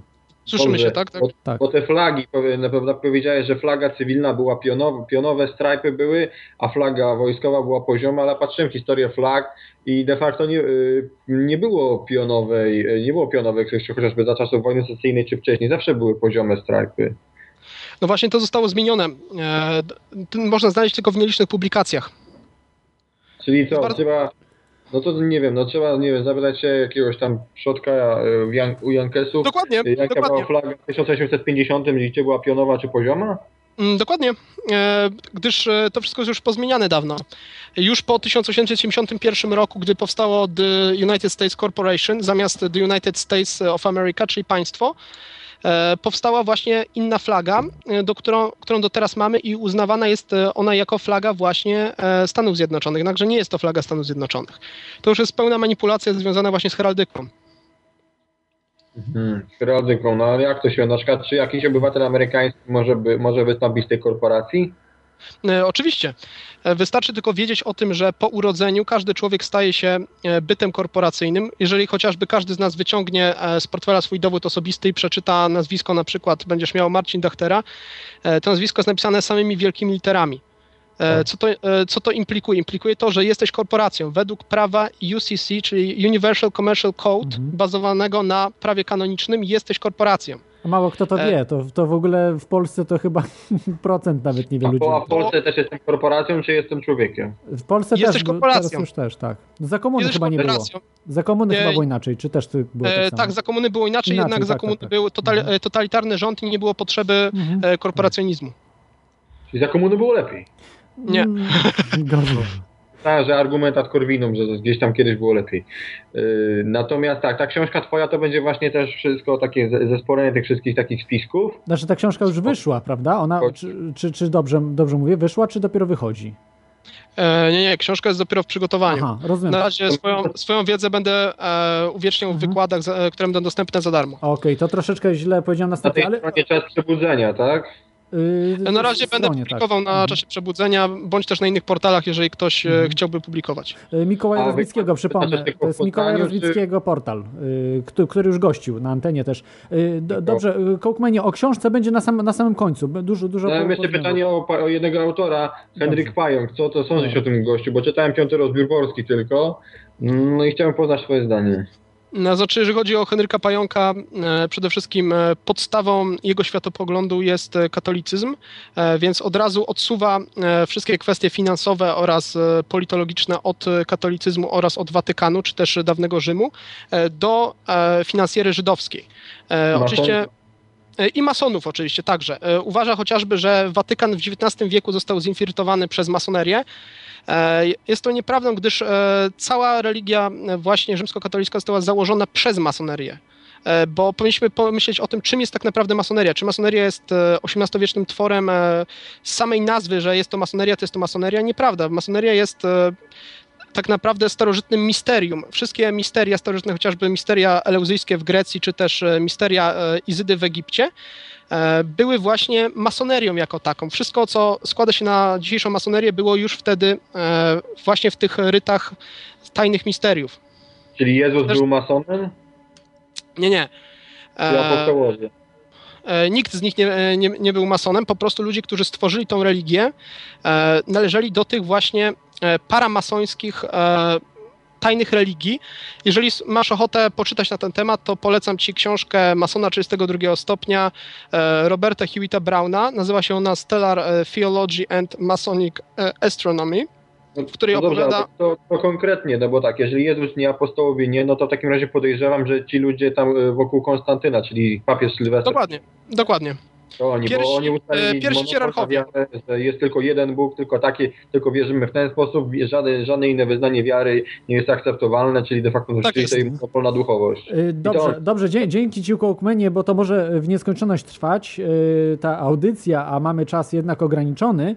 Ja Ewentualnie później zadzwonię, bo Henryku Pająku mam takie informacje od y, pana, y, od, no, no, od pewnych y, dwóch panów też takich związanych z środowiskiem wolnościowym, którzy mówią, że ten pan dużo, znaczy pan Pająk dużo to już dopowiada. i No zostawmy podobno- pana Pająka, zostawmy proszę pana Pająka, bo to y, no On nie, nie umie nawet faktury wypisać podobno i dużo dopowiada, wiesz. To może być tak, Okej. że czerpiemy wiedzę skądś, a tak naprawdę no... Nie mówię, że, e, Nie nie mówię, że właśnie pan Henryk Pająk e, nie dopowiada czegoś. E, jedynie uważam, że e, e, w języku polskim e, informacje na przykład na temat powiązania iluminatów e, z komunizmem można znaleźć tylko i wyłącznie u- właśnie u pana Pająka. E, Chociażby te informacje o tym, iż e, e. Karol Marx był częścią e, tak zwanej Ligi Sprawiedliwych, którą następnie przemianowano na Ligę Komunistów, można znaleźć tylko i wyłącznie u pana Pająka, a jest to informacja sprawdzona, dostępna chociażby w publikacjach Webster, przepraszam, Nesty Webster oraz Jamesa Billingtona i wielu, wielu innych autorów. Jednakże po polsku mało kto tego, mało to, kto dotyka tego tematu i rusza go. no nie dobrze, mówię, że zgadzam się we wszystkim oraz, że czytałem wszystkie książki tego pana. Ja tak powiem, że ja go tam troszeczkę tam sympatyzowałem, jeśli lubię tego, tego Marksa, nie należę do żadnych tam masonów, tak jak on należał. I rozłączam się, niech ktoś inny zadzwoni. Dobrze, Trzymajcie. dzięki, dzięki Kołkmenie za, za twój telefon, bardzo taki... Yy, no, Marcistowski. Marcin dogłębny. E, A ja miałbym do ciebie pytanie tutaj, takie od razu mi się nasunęło, tak jak mówiłeś o Birth Certificate i tych właśnie ISCC. Dobrze UCC. U, UCC, Universal UCC, Commercial tak, Code, tak, tak, tak. uniwersalny Tak, kod tak, tak, e, tak. handlu. Mhm. To, jest, y, to są y, przepisy, które zostały stworzone w XX wieku, jeśli dobrze, dobrze y, kojarzę. E, nie do końca, Mhm. gdyż te przepisy są e, bazowane na podstawowym koncepcie prawnym, iż mamy dwa rodzaje prawa. Mamy e, prawo ziemi oraz Mhm. mamy prawo wody. Mhm. Czyli na prawie ziemi operują e, państwa. Czyli mamy na przykład jedno prawo w Polsce i mamy jedno prawo w Stanach Zjednoczonych, czy jedno prawo w Chinach. To jest inne prawo. Jednakże prawo wody, czyli prawo pieniądza jest takie samo na całym świecie. To jest właśnie to Universal Commercial Code. Jednak na czym, e, proszę Państwa, bazowane jest UCC? UCC bazowany jest na prawie kanonicznym Watykanu, gdyż e, właśnie Watykan nazywa się Świętym Morzem. Dlaczego Świętym Morzem? Gdyż operuje na prawie wody. Dlatego właśnie e, instytucje Kościoła katolickiego nie płacą podatków, gdyż nie podlegają e, prawu ziemi, gdyż podlegają prawu innemu, prawu wody, prawu pieniądza. Mhm. Cie, cie, ciekawa sprawa. Yy, dobrze, jeszcze do kościoła wrócimy i powiązania właśnie z iluminatami tego wszystkiego. Natomiast yy, chciałbym jeszcze się zapytać o birth certificate, yy, bo nie do, ja wszystko generalnie tak dosyć pobieżnie, nie, nie tak jak ty dogłębnie jakiś jeden temat, bo yy, staram się po prostu objąć wszystkie tematy dotyczące spisków i czytam właśnie książki z zupełnie różnych dziedzin, kompletnie, z różnych bajek, tak, tak powiem nieładnie. Y, o ten birth certificate, czy my Polacy, takie pytanie mam, czy my Polacy mamy ten numer, to jest chyba SS, tak, na tym, y, na tym birth certificate, który, który jest tak, tak naprawdę naszym numerem. E, Nie ma to znaczenia tak naprawdę, czy to jest e, numer, czy to jest nie numer. Chodzi o to, e, iż my jesteśmy po urodzeniu Mhm. od razu zapisywani jako korporacja, czyli ty lub też ja i nasze prawdziwe imię, nazwisko powinno być na naszym dowodzie osobistym napisane tak. Główna litera imienia, pierwsza litera powinna być wielka litera, następnie powinny być litery małe, nazwisko duża litera i następnie znowu litery małe. To oznacza, że jesteśmy korporacją wedle prawa. Spróbuj na przykład pójść do banku i powiedzieć pani e, przy okienku, żeby wstukała twoje imię i nazwisko tak, jak powinno się e, pisać. Czyli od dużej litery do małych liter, a nie same wielkie litery. Wyjdzie ci błąd z tego, będzie error w systemie, gdyż e, nie na ciebie to jest napisane, tylko na Mhm. korporację pod, e, stworzoną pod twoje imię i nazwisko, kiedy się urodziłeś. Mhm. A to jest właśnie ciekawe, że można to sprawdzić, prawda? Y, Można, właśnie- absolutnie. Mhm. Ale, ale jak to jest z Polakami? Czy Polacy też mogą to sprawdzić? Bo wiem, że Brytyjczycy, czy tam Amerykanie, y, anglojęzyczni... Absolutnie. E, najprostszym sposobem właśnie jest pójście do banku i sprawdzenie tego, że tylko i wyłącznie pod korporacyjnymi wielkimi literami możesz obsługiwać swoje konto bankowe. Mhm. Bo to nie chodzi o to, czy e, wedle prawa, czy ty się e, zgodzisz na to jako imię i nazwisko twoje. Chodzi o to, czy ty jako korporacja e, zgodzisz się i podpiszesz kontrakt z inną korporacją, bo każdy człowiek e, na świecie jest korporacją. Jeżeli oczywiście nie żyje w Stanach Zjednoczonych nie wystąpił z tej korporacji. Mhm. Tylko i wyłącznie w Stanach Zjednoczonych można wystąpić z korporacji jako takiej. Gdyż e, w Stanach Zjednoczonych mamy dualny system prawny, gdzie mamy jedną korporację i państwo. Na początku było państwo The United States of America, gdzie człowiek był suwerenem, a Mhm. następnie dopiero w 1871 roku e, powstała legislacja, która utworzyła drugi system prawny, e, który właśnie był korporacją The United States Corporation. Incorporated, która e, właśnie jest w, w Waszyngtonie. Dlaczego właśnie e, każde państwo musi mieć e, prezydenta, musi mieć wiceprezydenta, i musi mieć skarbnika, bo każda korporacja musi tak mieć. Dlatego cały świat jest wielkim biznesem. Mhm. Dzisiejszy świat, dodam. Cały świat tak naprawdę od samego początku był wielkim biznesem. No, myślę, że nie, Też nie prawo, tak, nie tak też prawo początku. bankowe od czasów, e, od czasów e, Fenicjan już zakładało te same koncepty prawa wody i prawa ziemi, e, co prawo obecne. No, były bardzo uproszczone, to, to jeszcze nie to, co... co Oczywiście, ale e, ludzie, którzy nie potrafili pisać, podlegali mu. Dobrze, jeszcze potem cię dopytam tego, bo to jest bardzo ciekawy temat. Ludzie w ogóle nawet nie, nie wiedzą, co to jest birth certificate, nie? W Polsce często. Ale dobra. Certyfikat urodzenia. Tak, tak. y, Z tym, że, z tym, że właśnie w Polsce jest to troszeczkę inaczej rozumiane, prawda? Jest, no ale dobrze, zaraz do tego wrócimy. Y, Problemu. Mamy słuchacza na antenie, jest y, Oskar z nami, tak? Tak jest. To jestem ja. Witamy, witamy. Witaj, Oskarze. No hej, dobry, dobry noc. Dobrej Ej. nocy, tak. Tak, chciałem, e, chciałem powiedzieć tylko w sumie dwie kwestie. Jedna kwestia to jest taka odnośnie tych dużych liter. Ja w tym momencie wlazłem na konto swoje przez internet i widzę normalnie napisane imię, nazwisko, e, pierwsza litera duża, pozostałe małymi. To jest, to jest podstawowa kwestia jedna. E, jasne, że na dowodzie mm, może być to napisane dużymi literami, ale ja bym tego nie wiązał w ten sposób. To jest moim zdaniem bzdurny argument, e, żeby to coś oznaczało, że A, a duża skąd, litera, skąd mała litera. wnioskujesz, że to jest bzdurne? E, dlatego, że to jest zapis, to jest litera, jakie to ma znaczenie w ogóle. No to... E, W prawie, e, w prawie ma to ogromne znaczenie. Spróbuj założyć korporację niewielkimi literami, to nie, nie zostanie założona. E, może i tak, ale. Ale. No właśnie, Nie, odsyłam dlaczego? naprawdę do, odsyłam, do prawa, e, odsyłam do prawa korporacyjnego. Proszę sprawdzić naprawdę słownik e, prawniczy, jakiś poważny słownik Ale- prawniczy można sprawdzić. dobrze. Black Law Dictionary na przykład. to, że, to, że dużymi literami coś jest napisane, to może faktycznie korporacja, żeby, żeby, coś, żeby coś było określone korporacją, to może faktycznie musi być napisane dużymi literami. Ale nie, nie znaczy, że jeżeli coś jest napisane duży, dużymi literami, to jest od razu korporacja. To, bo to jest y, już w, drugą stronę działa troszkę, to już jest nadużycie trochę, to jest nadinterpretacja. Nie, ale E, w umowach prawnych tak to e, jest oznaczone. Są umowy prawne. Nie chodzi o to, że na przykład e, ktoś operuje tym e, jako tako dosł- niedosłownie, czyli na przykład napisze sobie coś w jakiś sposób. Chodzi o same umowy prawne, o kontrakty. Tylko i wyłącznie w kontraktach to się liczy. W niczym więcej. Więc jeżeli ja na przykład e, zawieram e, z tobą kontrakt, nie ja zawieram jako Marcin Dachtera e, z drugą osobą, tylko jako korporacja stworzona na moje imię i nazwisko. To jest podstawa tak zwanego korporacjonizmu. No, powiedzmy, dobra, mniejsza Mówię, że jest to, nie mówię, że jest to złe dru- same, same w sobie. nie, nie, nie, ale jeszcze jest, jeszcze jest, dru, jeszcze jest druga kwestia.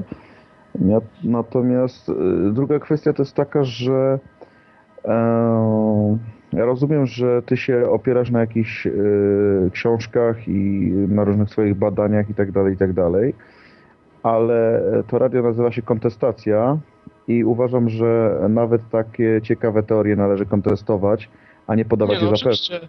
Należy je podawać, nie należy ich podawać za pewnik, a od początku całej audycji wszystko, co mówisz, podajesz za pewnik, że tak jest. A Ale każdy, Nie, ja każdy może sprawdzić. Każdy może Dlatego ja- sprawdzić dla, że dlatego każdy ja bym bardzo prosił, żeby, żeby jednak co jakiś czas przypomnieć, że jest to teoria, a nie... Nie, nie, nie, nie, nie. Zaraz, Nie. zaraz, zaraz. No każdy chyba wie, jest teoria chaosu. Nazywa się audycja, ale każdy może sprawdzić, każdy ma rozum, każdy ma yy, i potem w komentarzach może napisać. Tu bzdurę napisaliście. Dlaczego nie piszecie komentarzy? Proszę was o komentarze, żeby zawsze prostować jakieś bzdury, gości, czy ja coś powiem źle. No, jesteśmy tylko ludźmi, Zresztą- ale piszmy zresztą ja- to.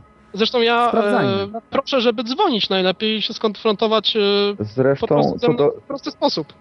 co do korporacji, to z, jeżeli już mówimy o prawnym yy, istnieniu korporacji, o ile dobrze pamiętam, to do korporacji musi być więcej podmiotów niż jeden, więc nie może być jedna osoba korporacją, więc tu już jest bzdura i, i bezsens. No właśnie, że może być. No nie wiem, bo ja akurat to sprawa Jednoosob- pamiętam, jednoosobowa może być. to. No to no, polecam właśnie postudiować tę sprawę. No, potem samemu można zadzwonić jeszcze raz i podać dokładnie e, odniesienia prawne. Dobra. Yy, Tyle, co miałem do powiedzenia, nie będę zajmował czasu na Dziękujemy, dziękujemy. Dzięki. Yy, dobrze. Yy, to, to był To już była Oskar. kontestacja. Nie, ja, ja rozumiem Oskara, bo y, faktycznie nie można wszystkiego przyjmować, tylko że to mnie zadziwia u ludzi, że jeżeli mówimy o rzeczach, które się nie mieszczą w głowie 99,99999% ludzi na świecie, y, duża część w ogóle nawet nie rozumie, o czym my mówimy, ale y, w- duża część też rozumie, ale nie wmieści się im to w głowie, że akceptuje to wszystko, co mówią w TVN-ie, w innych tam y, innych pierdółkach, w CTV, jakieś tam Polsaty, nie Polsaty, TVP, y, TV Porno i tak dalej. Y, No i to wszystko oni akceptują. Natomiast jeżeli jest jakaś audycja, mówimy mm, różne rzeczy, które sobie można zawsze sprawdzić, Oczywiście, mówię rzeczy, które tak, e, można sprawdzić i polecam. e, od razu się neguje. Jest od razu, od razu mają wgrany program, że to są kłamstwa. Czyli Nie, nie, ja, ja uważam, że jest bardzo zdrowy program. Trzeba sprawdzić. Ale dlaczego nie e, kontestują tego, co jest w, te, w TVN-ie, w telewizjach, gdzie tam na okrągło po prostu kłamią? To jest właśnie No, mnie fascynuje. Niestety jest to tak e, zrobione, iż właśnie e, telewizja e, podaje zawsze prawdę, zawsze zweryfikowaną prawdę, a audycje alternatywne najczęściej posługują się teorią spiskową bądź też e, nieprawdą jako taką i przeinaczeniem. E, Tak więc e, chciałbym zaapelować do Państwa, e, wszystko co mówię jest do sprawdzenia bądź też do wyszukania. E, Jeżeli Państwo mają jakieś dokładne pytania do mnie, czy też e, do e, kwestii merytorycznych, o których mówię, proszę pisać na Twitterze, zamieszczę wtedy e, bibliografię na ten temat, czy odniesienia. To wszystko jest do znalezienia, e, do sprawdzenia. Oczywiście ja mogę się mylić, ja mogę coś przekręcić, bo to wszystko jest live. e, Ja tutaj nie mówię właśnie e, z kartki, więc to są kwestie bardzo dokładne. Mogę coś przekręcić. Jednakże jeżeli chodzi o korporacje, tutaj nie uważam, że przekręciłem cokolwiek. Ja jeszcze dodam, że możecie pisać komentarze na stronie teoriachaosu.com.pl i tam możecie właśnie pisać, y, jak audycja się pojawi, to będziecie mogli pisać, y, znajdować właśnie różne błędy, które mieliśmy, jakieś, z którymi się nie zgadzacie rzeczami i tak dalej, i tak dalej, prawda? To, Nie mówię, to jest- odsyłam na mojego Facebooka, odsyłam Mhm. na mojego Twittera Marcin z wielkiej litery, bez spacji Dachtera z wielkiej litery, wielkie D. E, Na Twitterze proszę, proszę mnie subskrybować, proszę pisać, e, także, e, także na Facebooku. E, Podyskutujemy, mogę Państwu przesłać pewne bardzo ciekawe materiały, które zapewniam, najprawdopodobniej Państwo nigdy w życiu by nie dowiedzieli się o ich istnieniu. Tak samo o istnieniu autorów, o których tutaj mówimy, jeżeli chodzi o publikacje naukowe. Mhm. Przepraszam. Y, Tak, tak. Także to jest, to jest cenna, bo dyskusja jest na, najistotniejszą y, wartością, której nie oferuje Absolutnie, telewizja. To tak jak absolutnie. y, jeszcze powrócę do marszala Ma- Maclana, y, który powiedział, że y, są media ciepłe i zimne. Zimne należałoby odrzucić, do zimnych właśnie należy telewizja, a ciepłe zostawić. Y, Radio jest właśnie ciepłym y, medium, jak on, jak on to określał, więc y, tutaj jesteśmy w radiu i y, więc y, jesteśmy w cieple. Zapraszamy, Mm, zapraszamy do kontestacji, do rozmowy ze mną, jak i z prowadzącym. Jeżeli z czym się Państwo nie zgadzacie, mówię, można to sprawdzić, można zanegować, ale tylko Mhm. i wyłącznie proszę negować to e, argumentami jakimiś, nie tak, bo tak, czy nie, bo nie. Tak, tak, to tak jak najczęściej się robi, ale no trudno, no trzeba się przyzwyczaić, każdy ma prawo mówić co, co chce. Nie, nawet oczywiście panuje pełna tak wolność słowa. Tak. Y, dobrze, powró- powrócić chciałbym do y, tematu właśnie tego birth certificate, czyli y, certyfikatów urodzenia, czy nie, to się inaczej nazywa. No, wiemy o co chodzi. Zwał, zwał. Jak zwał, tak. E, W, w Polsce mm, nie ma tych numerków. Ja się tak, tak, tak już doczepię tak y, y, po y, najprymitywniejszej linii oporu. E, Dobrze. Nie ma tych numerków, które na przykład Jordan, o których Jordan Maxwell mówi. Czyli Oczywiście, zaraz Mhm. wyjaśnię, dlaczego tak jest. E, Gdyż e, po I wojnie światowej korporacja The United States zbankrutowała praktycznie, więc pomyśleli, jak to zrobić, żeby oddać dług. Każ- Więc każdy człowiek, który rodził się i jego certyfikat urodzenia, The Certificate of Manifest of a Human Resource, szedł na giełdę za około pół miliona dolarów. W taki sposób właśnie spłacono ten dług. Dlatego każdy człowiek musi być właśnie ubezpieczony, gdyż ubezpieczalnie są e, tak naprawdę nad bankami, gdyż każdy człowiek musi być ubezpieczony. Największą operacją finansową są ubezpieczalnie, a nie same banki. Banki są tylko frontem dla ubezpieczalni.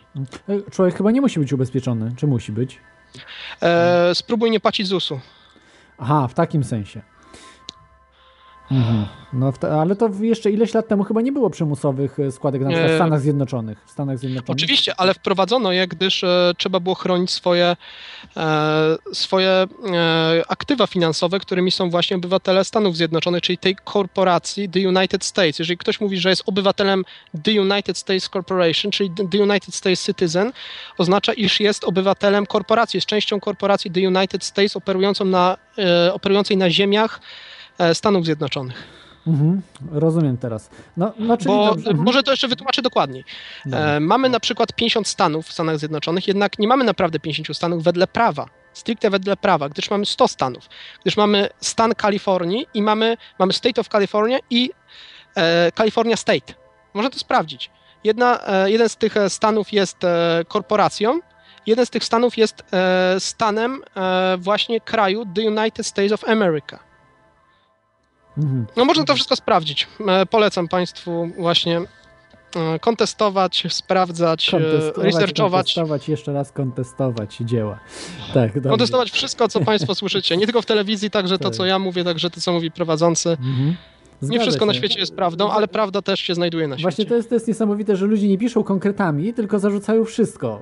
Nawet w audycji ktoś dzwoni i mówi, że się nie zgadza z czymś tam, że głupoty gadam, to gadam, no by tam poproszę konkrety. Co? No i wtedy się są, są problemy wtedy już wielkie. Ale dobrze, jeszcze ostatnie pytanie dotyczące właśnie tego Berkshire, takie już konkretne zupełnie. Czy Polacy są notowani na giełdzie Wall Street? Tylko obywatele The United States Corporation są notowani na Wall Street. Aha, rozumiem. Czyli na przykład Brytyjczycy też nie będą tam notowani. Nie, nie, nie, nie. nie. Ale czy Gdyż Bry- United States będą... Corporation Mhm. jest e, właśnie korporacją e, brytyjskiej korony. Tak samo jak e, korporacje, które tworzyła e, korona brytyjska podczas e, podbojów kolonialnych. Mhm. Właśnie w taki sposób powstał korporacjonizm. Rozumiem. A, a na przykład Brytyjczycy w London City, czy nie wiem jak to giełda, kurczę zapomniałem jak się nazywa, w, w Londynie, a no ale w London City ma swoją siedzibę, to, to czy tam y, oni są notowani, na przykład Brytyjczycy? Mm, nie, Też nie. Aha, czyli tylko Amerykanie, tylko i, tak? wyłącznie, tylko i wyłącznie Amerykanie, gdyż e, tylko i wyłącznie Amerykanie e, musieli oddać dług po I wojnie światowej w taki właśnie sposób. Mhm. My, my dopiero teraz chyba to zrobimy. No, prawdopodobnie niedługo będą takie pomysły Mhm. właśnie od tyłu, gdzieś za kurtyną wprowadzić tego typu e, legislacje właśnie w Grecji, właśnie w Portugalii, e, w Hiszpanii, chociażby nawet we Włoszech, gdzie obecnie widzimy podobny upadek ekonomii pieniądza fiducjarnego, no, który musiał się tak czy siak stać i teraz tylko i wyłącznie czekamy na efekt domina.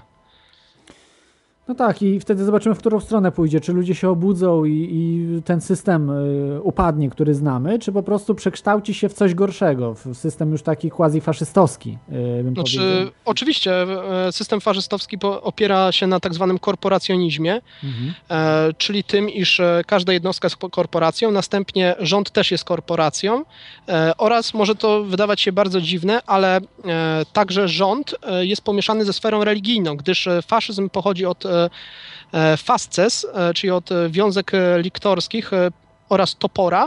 E, Te wiązki liktorskie oznaczają e, władzę urzędników Cezara, czyli Ce- Cezara Rzymu, czyli człowieka Boga, zaś sam topór e, wedle e, symboliki e, wielu ludów starożytnych, chociażby e, Żydów, chociażby Egipcjan czy Greków e, oraz na końcu właśnie Rzymian e, oznacza Boga, a kto reprezentuje Boga właśnie e, w Europie? Watykan. Więc jeżeli mówimy tutaj o korporacjonizmie, mówimy tutaj o Watykanie, mówimy tutaj o Nowym Rzymie, mówimy tu o Pontifex Maximus, czyli o papieżu. Dobrze, teraz może przejdźmy do pytań takich e, bardziej em, mniej odległych, prawda? Bo to już w NWO poszliśmy ostro. E, W, sensie oczywiście takim, że ludzie w ogóle o tym nie mają zielonego pojęcia, o czym rozmawialiśmy przez ostatnie pół godziny. No Natomiast- więc dlatego trzeba, dlatego trzeba o tym mówić właśnie. Tak, tak, oczywiście, ale, ale zejdźmy na razie tak na ziemię, tak w cudzysłowie oczywiście. I tutaj mam Oczywiście. takie pytanie y, bardzo istotne. Co ma wspólnego nazizm i komunizm? Jak już właśnie wyjaśniłeś wcześniej, co to faszyzm, bo wcześniej myślałem, że chodziło o faszyzm i komunizm, ale chodzi o nazizm i komunizm. Co mają one właśnie wspólnego? E, Przede wszystkim, e, jeżeli chodzi o nazizm i komunizm, odsyłam Państwa do e, artykułu w New York Timesie w 1924 roku, rok po śmierci Lenina. Był on właśnie o nowo założonej partii w Niemczech, Narodowo-Socjalistycznej Partii Pracy, której patronem i ojcem, proszę Państwa, był sam Adolf Hitler. W artykule wyrażona została opinia, że można przyrównać Hitlera do Lenina. I była to opinia niejakiego doktora Goebbelsa, proszę Państwa. E, Tak samo, jeżeli, jeżeli popatrzymy na kwestie symboliczne, plakaty nazistów oraz e, plakaty komunistów były identyczne. Tu odsyłam Państwa do mojej prezentacji, w której dokładnie to ukazałem. E, Właśnie wraz z tym twierdzeniem Goebbelsa, że Lenin jest największym człowiekiem zaraz po Hitlerze i że różnice pomiędzy komunizmem a poglądami Hitlera są bardzo nieznaczne, poleciały na mównicę kufle z piwem. E, Więc trzeba było wycofać e, tą ideologię, że e, my też jesteśmy marksistami, my też jesteśmy socjalistami, my też dążymy poprzez socjalizm do komunizmu, czyli światowej tyranii tak zwanego proletariatu. Oczywiście nie był to żaden proletariat, bo jak Państwo, którzy studiowali komunizm, dobrze wiedzą, międzynarodówka komunistyczna nie zawierała żadnego robotnika. Był tylko jeden człowiek, który wywodził się z rodziny robotniczej w międzynarodówce komunistycznej za czasów Lenina. Reszta to byli intelektualiści. Tak samo ludzie, którzy zrobili wielki przewrót e, bolszewicy, bolszewicki, e, byli to intelektualiści, nie byli robotnicy. E, Tak samo, jeżeli chodzi o ideologię polityczną. Ideologia polityczna Hitlera oraz gospodarcza i Lenina opierała się na marksizmie. Tak samo ideologia ludobójstwa opierała się na marksizmie, na niczym innym, gdyż pierwsza wzmianka o tym pojawiła się w styczniu 1849 roku w dzienniku Marksa Neue Rheinische Zeitung. E, Engels wyjaśnił tam, czym jest walka klas podczas rewolucji socjalistycznej. Cytuję: Będą wówczas istnieć w Europie prymitywne społeczeństwa, będące dwa kroki wstecz, bo nie będą nawet kapitalistyczne. Miał on na myśli Basków, Bretończyków, szkockich górali, Serbów. Mówił o nich rasowe śmieci. Już słyszymy retorykę nienawiści rasowej. Musieli oni być zniszczeni, bo będąc dwa kroki wstecz, niemożliwe było podnieść ich na poziom rewolucji. Mówił o prostactwie i brudzie Słowian, czyli nas. Uważał na przykład, że Polska nie miała powodu, by istnieć. Już wiemy, dlaczego Polacy nie powinni lubić komunizmu. Klasy i rasy, tu znowu cytuję, za słabe, by opanować nowe warunki życia, muszą zniknąć, muszą zginąć w rewolucyjnym holokauście. To są cytaty samego Marksa z Neue Rheinische Zeitung z 1849 roku. Rewolucyjny holokaust e, ras niepotrzebnych. Już mowa jest o ludobójstwie na skalę masową, ludobójstwie narodowym. Co właśnie robił i Lenin, i Hitler, i następnie Stalin, który miał e, fobię na punkcie e, Żydów. Mm, Więc jeżeli mówimy o komunistach i nazistach, powinniśmy porównać ich systemy władzy. Komuniści proponowali rządy jednej partii, KPZR. Naziści proponowali rządy jednej partii, NSDAP. U nazistów i komunistów był jeden wódz.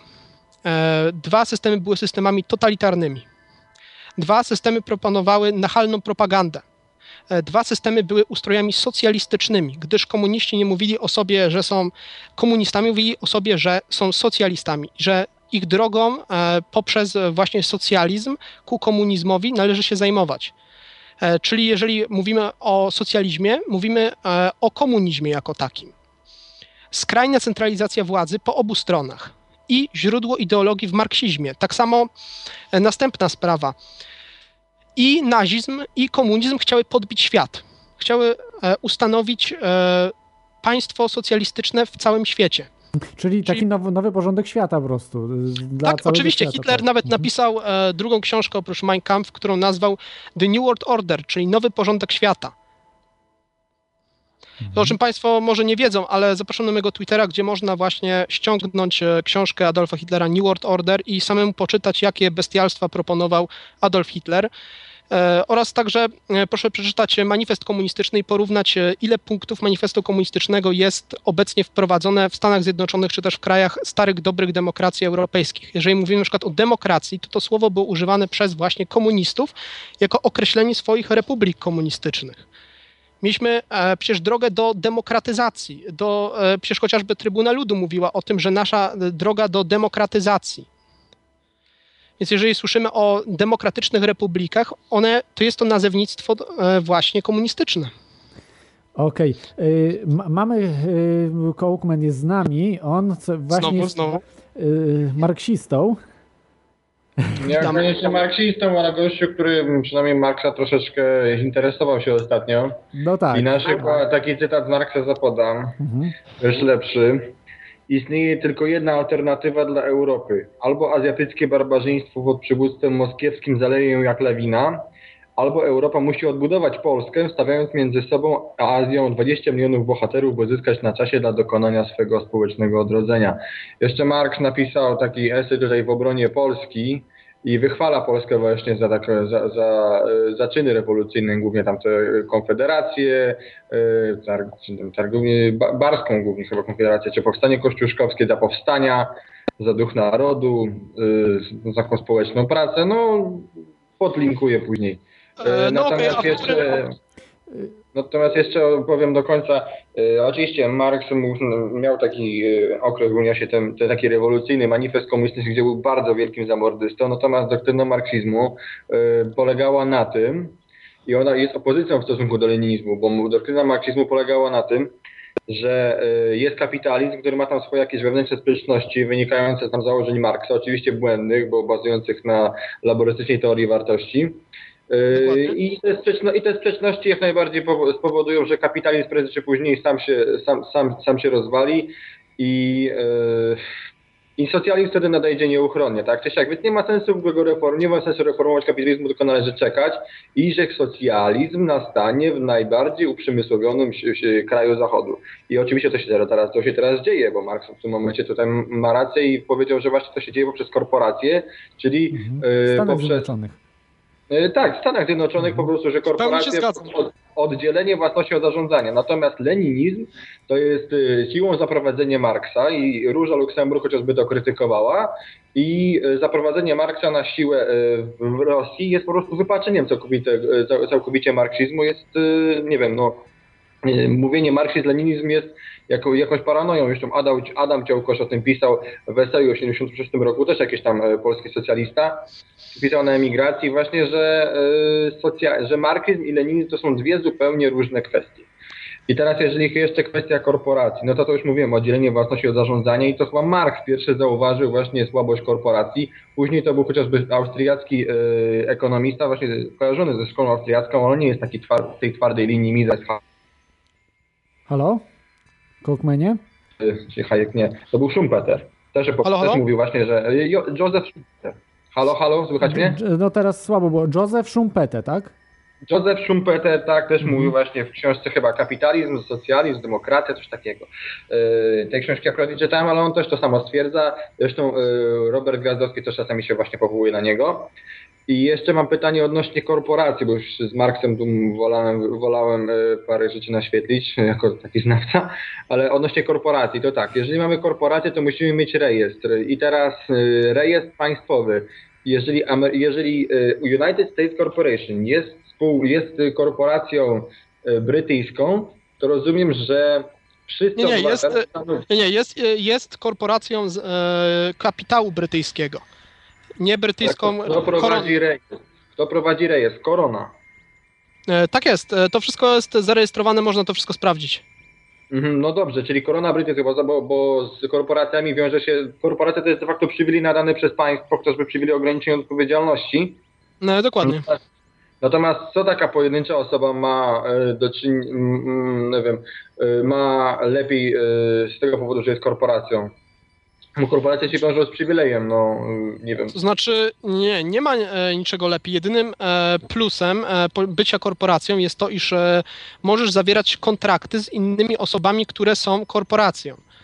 Jeżeli na przykład w Stanach Zjednoczonych wypiszesz się właśnie z tej waszyngtońskiej korporacji powołanej w w 1871 roku, wtedy dopiero możesz być człowiekiem w pełni wolnym, czyli suwerenem, wedle starej konstytucji Stanów Zjednoczonych Ameryki.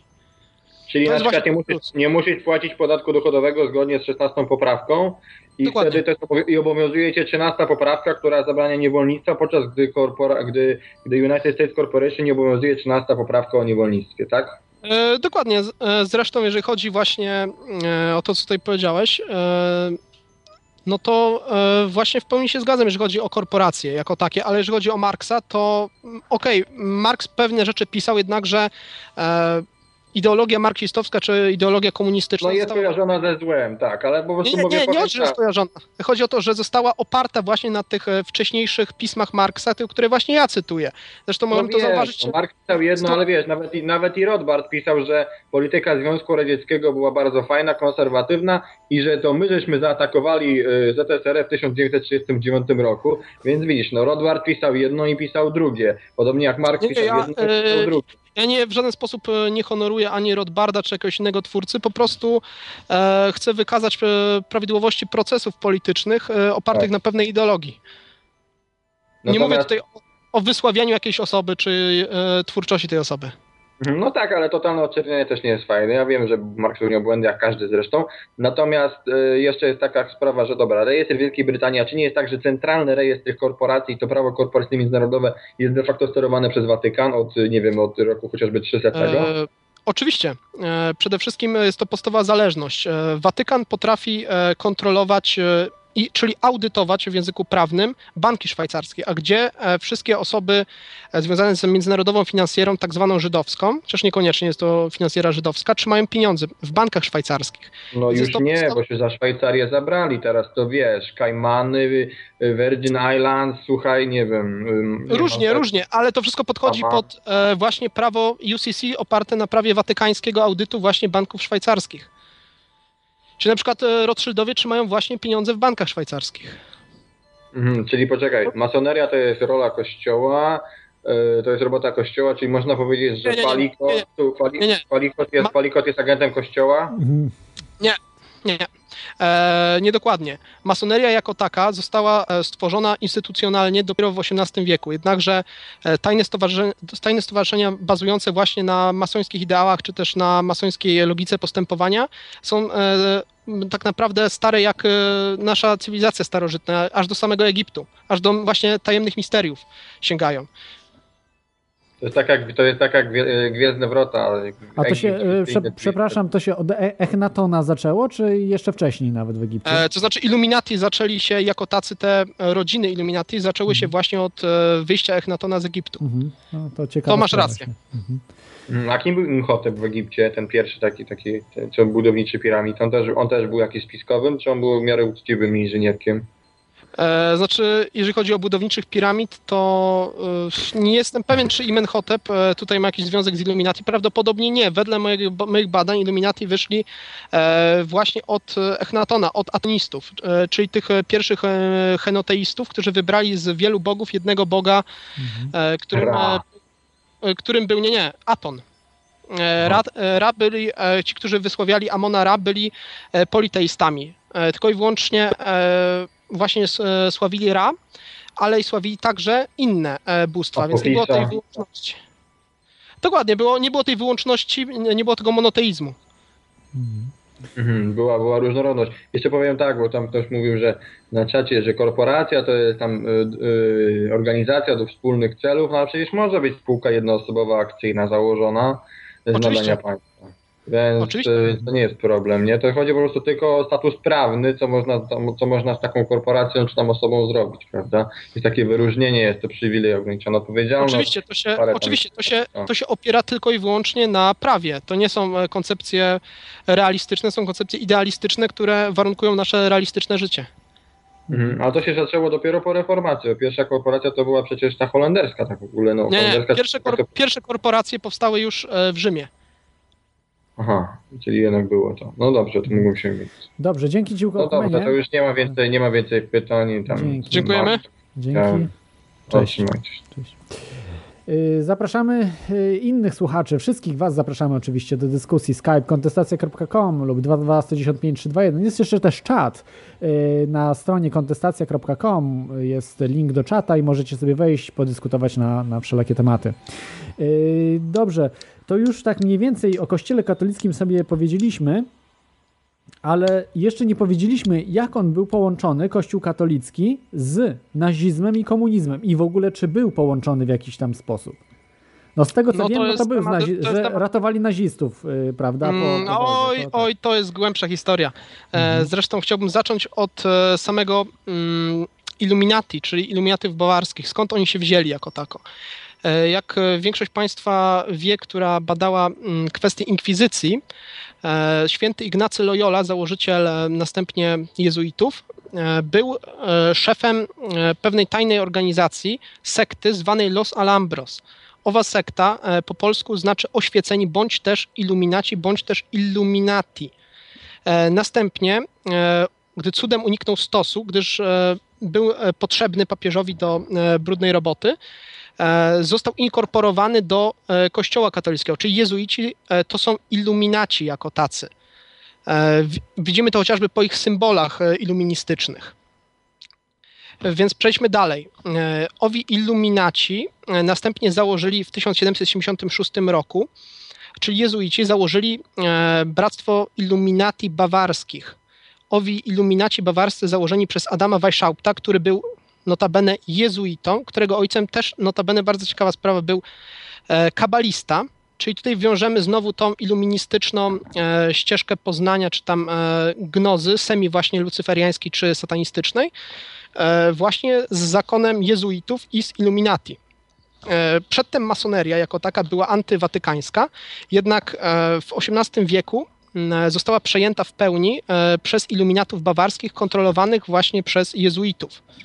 E, Tak samo to nas e, prowadzi do samego e, Marksa i Engelsa. Marx i, Engelsa, przede wszystkim Marx był członkiem tak zwanej Ligi Sprawiedliwych. Liga Sprawiedliwych była organizacją kontrolowaną przez iluminatów oraz właśnie następnie ta Liga Sprawiedliwych przeszła na Ligę Komunistów.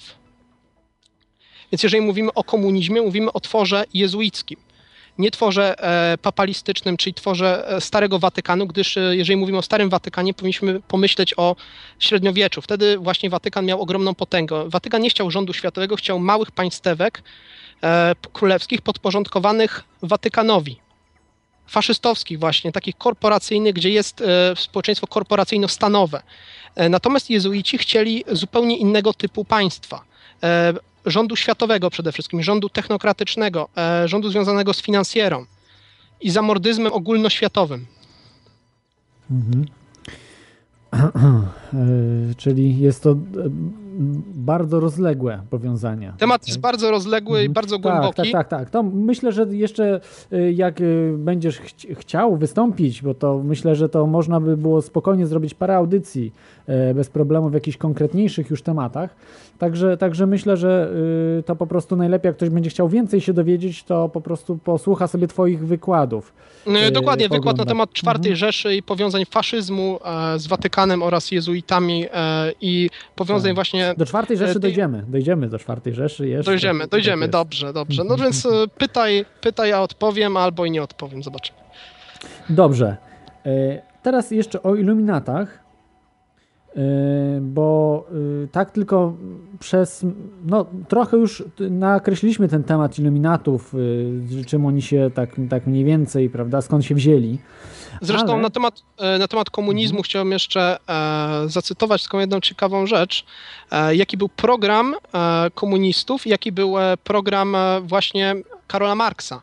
Już w 1776 roku właśnie Adam Weishaupt, o którym mówiłem, który zakładał e, Illuminati bawarskich, myślał o czymś takim, o zniszczeniu wszystkich istniejących rządów, o likwidacji postaw patriotycznych, o likwidacji własności prywatnej, tutaj się kłania, o likwidacji prawa dziedziczenia własności, o likwidacji rodziny jako podstawowej komórki ludzkiej, o zniszczeniu wszelkiej religii, o stworzeniu na gruzach tych sześciu fundamentów cywilizacji wszechwładnego rządu światowego. To samo potem zakładał właśnie Karol Marx. Drobny przypadek?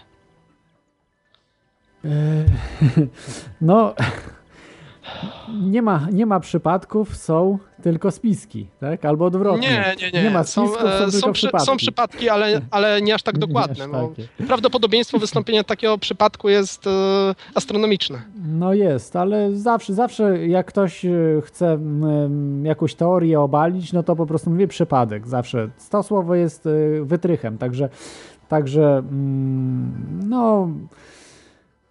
No co zrobić? E, To jest, e, to jest bardzo łatwe, mając takie wytrychy, prawda, że, że mm, ten, ale to mówię, no to już zo- zostawmy, zostawmy tą sprawę, a ja chciałem tutaj za, za, mm, zapytać się o, o iluminatów i ogólnie te nowe, nowe rzeczy, które się zrodziły w XIX wieku, jak faszyzm, właśnie komunizm, nazizm, bo chyba właśnie w XIX wieku należy szukać korzeni tego typu ideologii.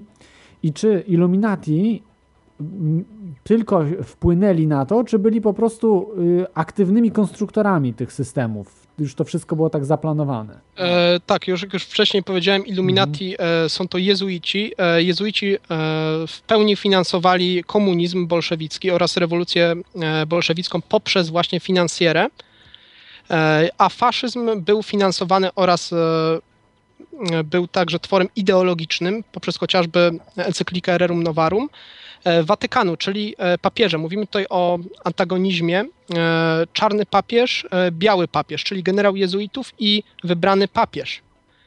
Czyli, że mówimy o II wojnie światowej, mówimy o wojnie jezuitów z papalizmem, czyli z papieżem. chociażby nasz papież Jan Paweł II miał być zamordowany przez agentów KGB, którzy, e, jak wiadomo, z tego co już mówiłem, byli tworem e, jezuickim. Czyli znowu widzimy ten antagonizm. No tak. y, Tworzą właśnie, to chyba myślę, że dobrze to można podsumować słowami, nie wiem czy tak pasuje, tak mi się wydaje, które mm, przytacza też David Icke, ale to chyba pochodzą one od e, filozofa, już teraz chyba nie, nie pamiętam którego. Problem, reakcja, rozwiązanie, czy, czy teza, antyteza. Tak, e, teza plus antyteza tworzą syntezę, Tak. e, wymysł e, Hegla, Hegla, tak, tak, tak, właśnie. I, dialektyka i- heglowska. Czy, czy to nie jest właśnie ten y, tworzenie problemów różnych, dzięki którym oni zyskują więcej niż by zyskali bez tych problemów? Oczywiście. rozwiązań? E, W taki sposób właśnie kształtuje się e, wzrost wielkich ideologii zamordystycznych bądź też totalitarnych, gdzie zawsze po e, wielkim upadku ekonomicznym rodzi się faszyzm bądź też rodzi się komunizm. Jak widzieliśmy to chociażby na przypad, w przypadku III Rzeszy Adolfa Hitlera. Wielki upadek ekonomiczny Niemiec po I wojnie światowej zaskutkował właśnie powstaniem faszyzmu. Ja bym to łączył na przykład finansowo, bo oczywiście powinniśmy podążać za pieniędzmi, e, skąd one się wzięły, kto kogo finansował. E, Wiązałbym ten wielki upadek ekonomii amerykańskiej w latach 30. z tym, iż e, pieniądze przeszły do Adolfa Hitlera, gdzie jest to absolutnie niemożliwe, iż e, Adolf Hitler e, sytuacji takiej jak e, mieli Niemcy po I wojnie światowej, gdzie ludzie umierali na ulicy z głodu, e, wybudował największą armię w tamtych czasach, która groziła podbojem całego świata. Nie dość, do, e, że tak się stało, zapewnił e, dobre życie e, ludziom w III Rzeszy dzięki kredytom, jakie dostawał od właśnie międzynarodowej finansjery.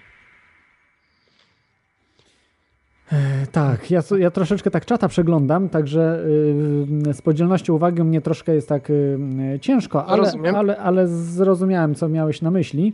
Y, Tutaj radziłem właśnie słuchaczom, żeby dzwonili, a nie y, na czacie się tam wyładowywali, bo zawsze lepiej po prostu y, spróbować y, bardziej publicznie. No niekoniecznie przecież musicie się ujawniać, tylko że Zresztą e, na temat samego komunizmu zacytuję Winstona Churchilla, notabene masona obrządku druidycznego.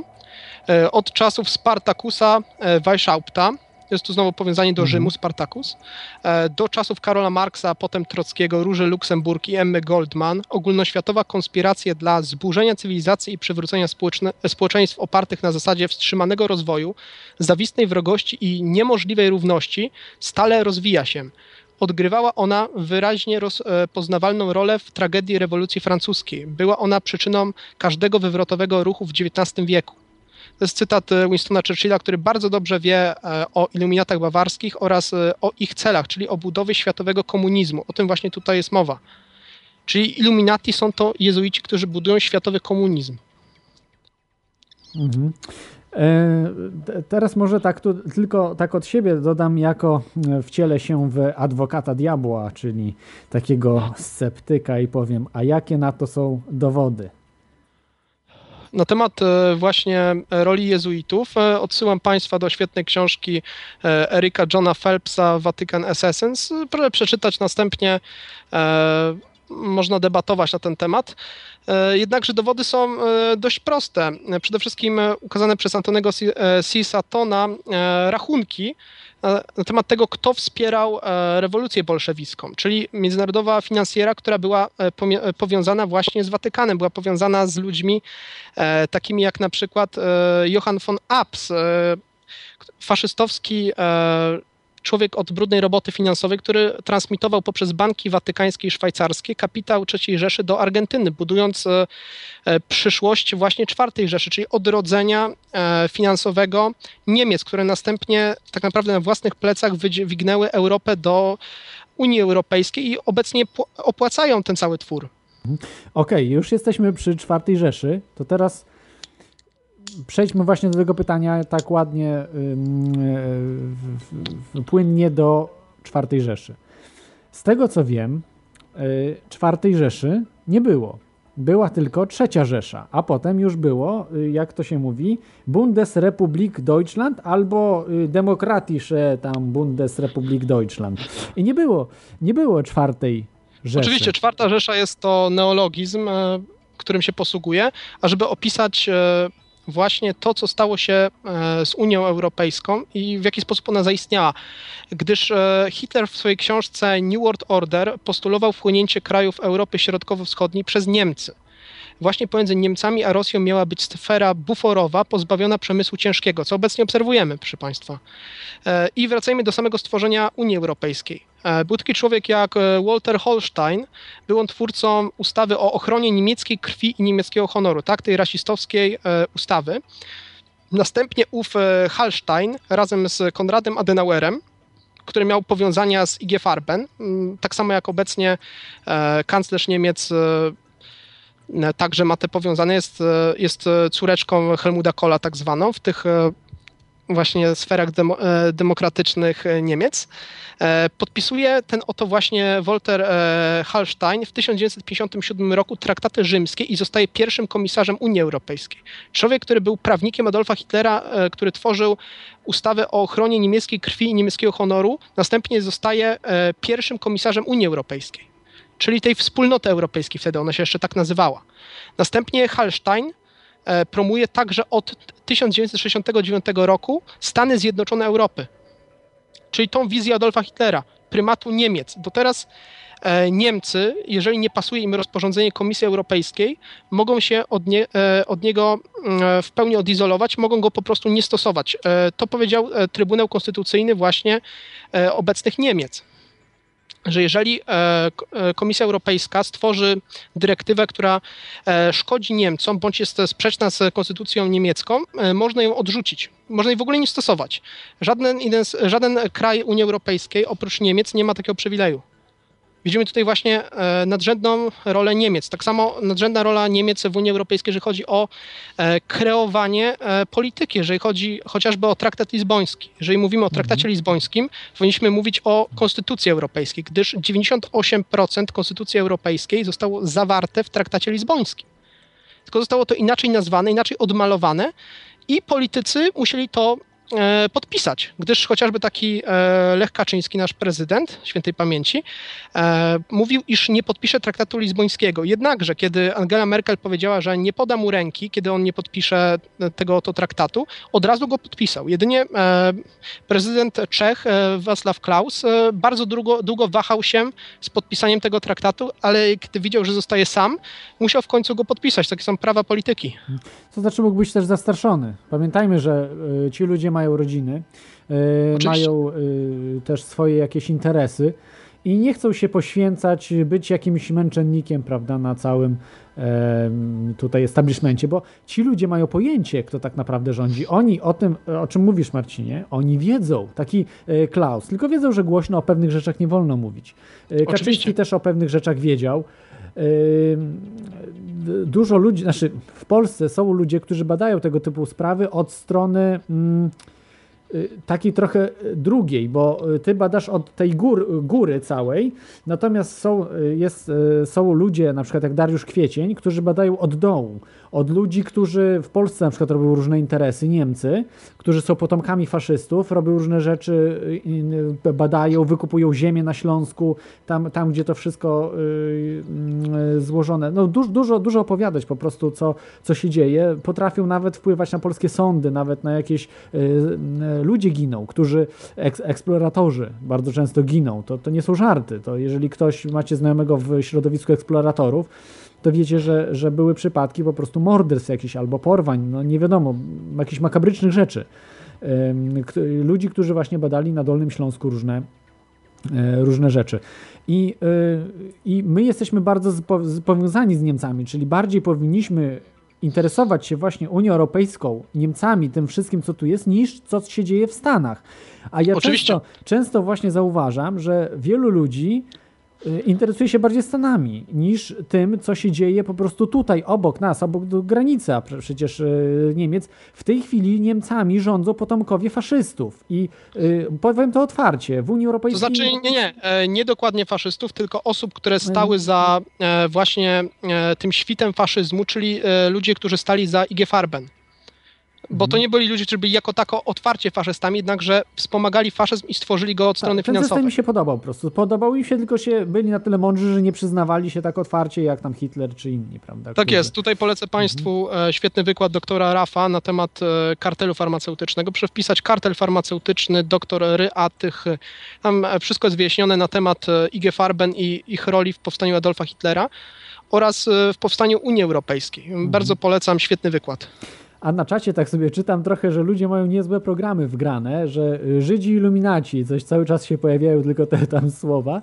I o to chodzi właśnie, że w mediach, żeby coś ośmieszyć, żeby, y, czy też w internecie na różnych stronach, to się wrzuca właśnie cyklistów, Żydów, tak, jakichś masonów, iluminatów To i jest, tak to, dalej. e, to jest typowa teoria spiskowa, czyli że ja bym teraz powiedział, że rządzą nami mrówki z Marsa, to byłaby teoria spiskowa. Tak. gdyż nie ma na to żadnych dowodów. Jednakże, jeżeli mówimy tutaj o e, sprawach polityki czy historii, e, są na to twarde dowody, więc e, oczywiście jest to ośmieszane jako kwestia związana z oszołomstwem e, z Illuminati czy z żydowską finansjerą, która rządzi światem. Jednakże, no, jak ja to tu już często powiedziałem, to wszystko jest powiązane, to jest e, wielki system, który trwa tak naprawdę nieprzerwanie od początku naszej cywilizacji, dlatego jest tak trudno go pokonać.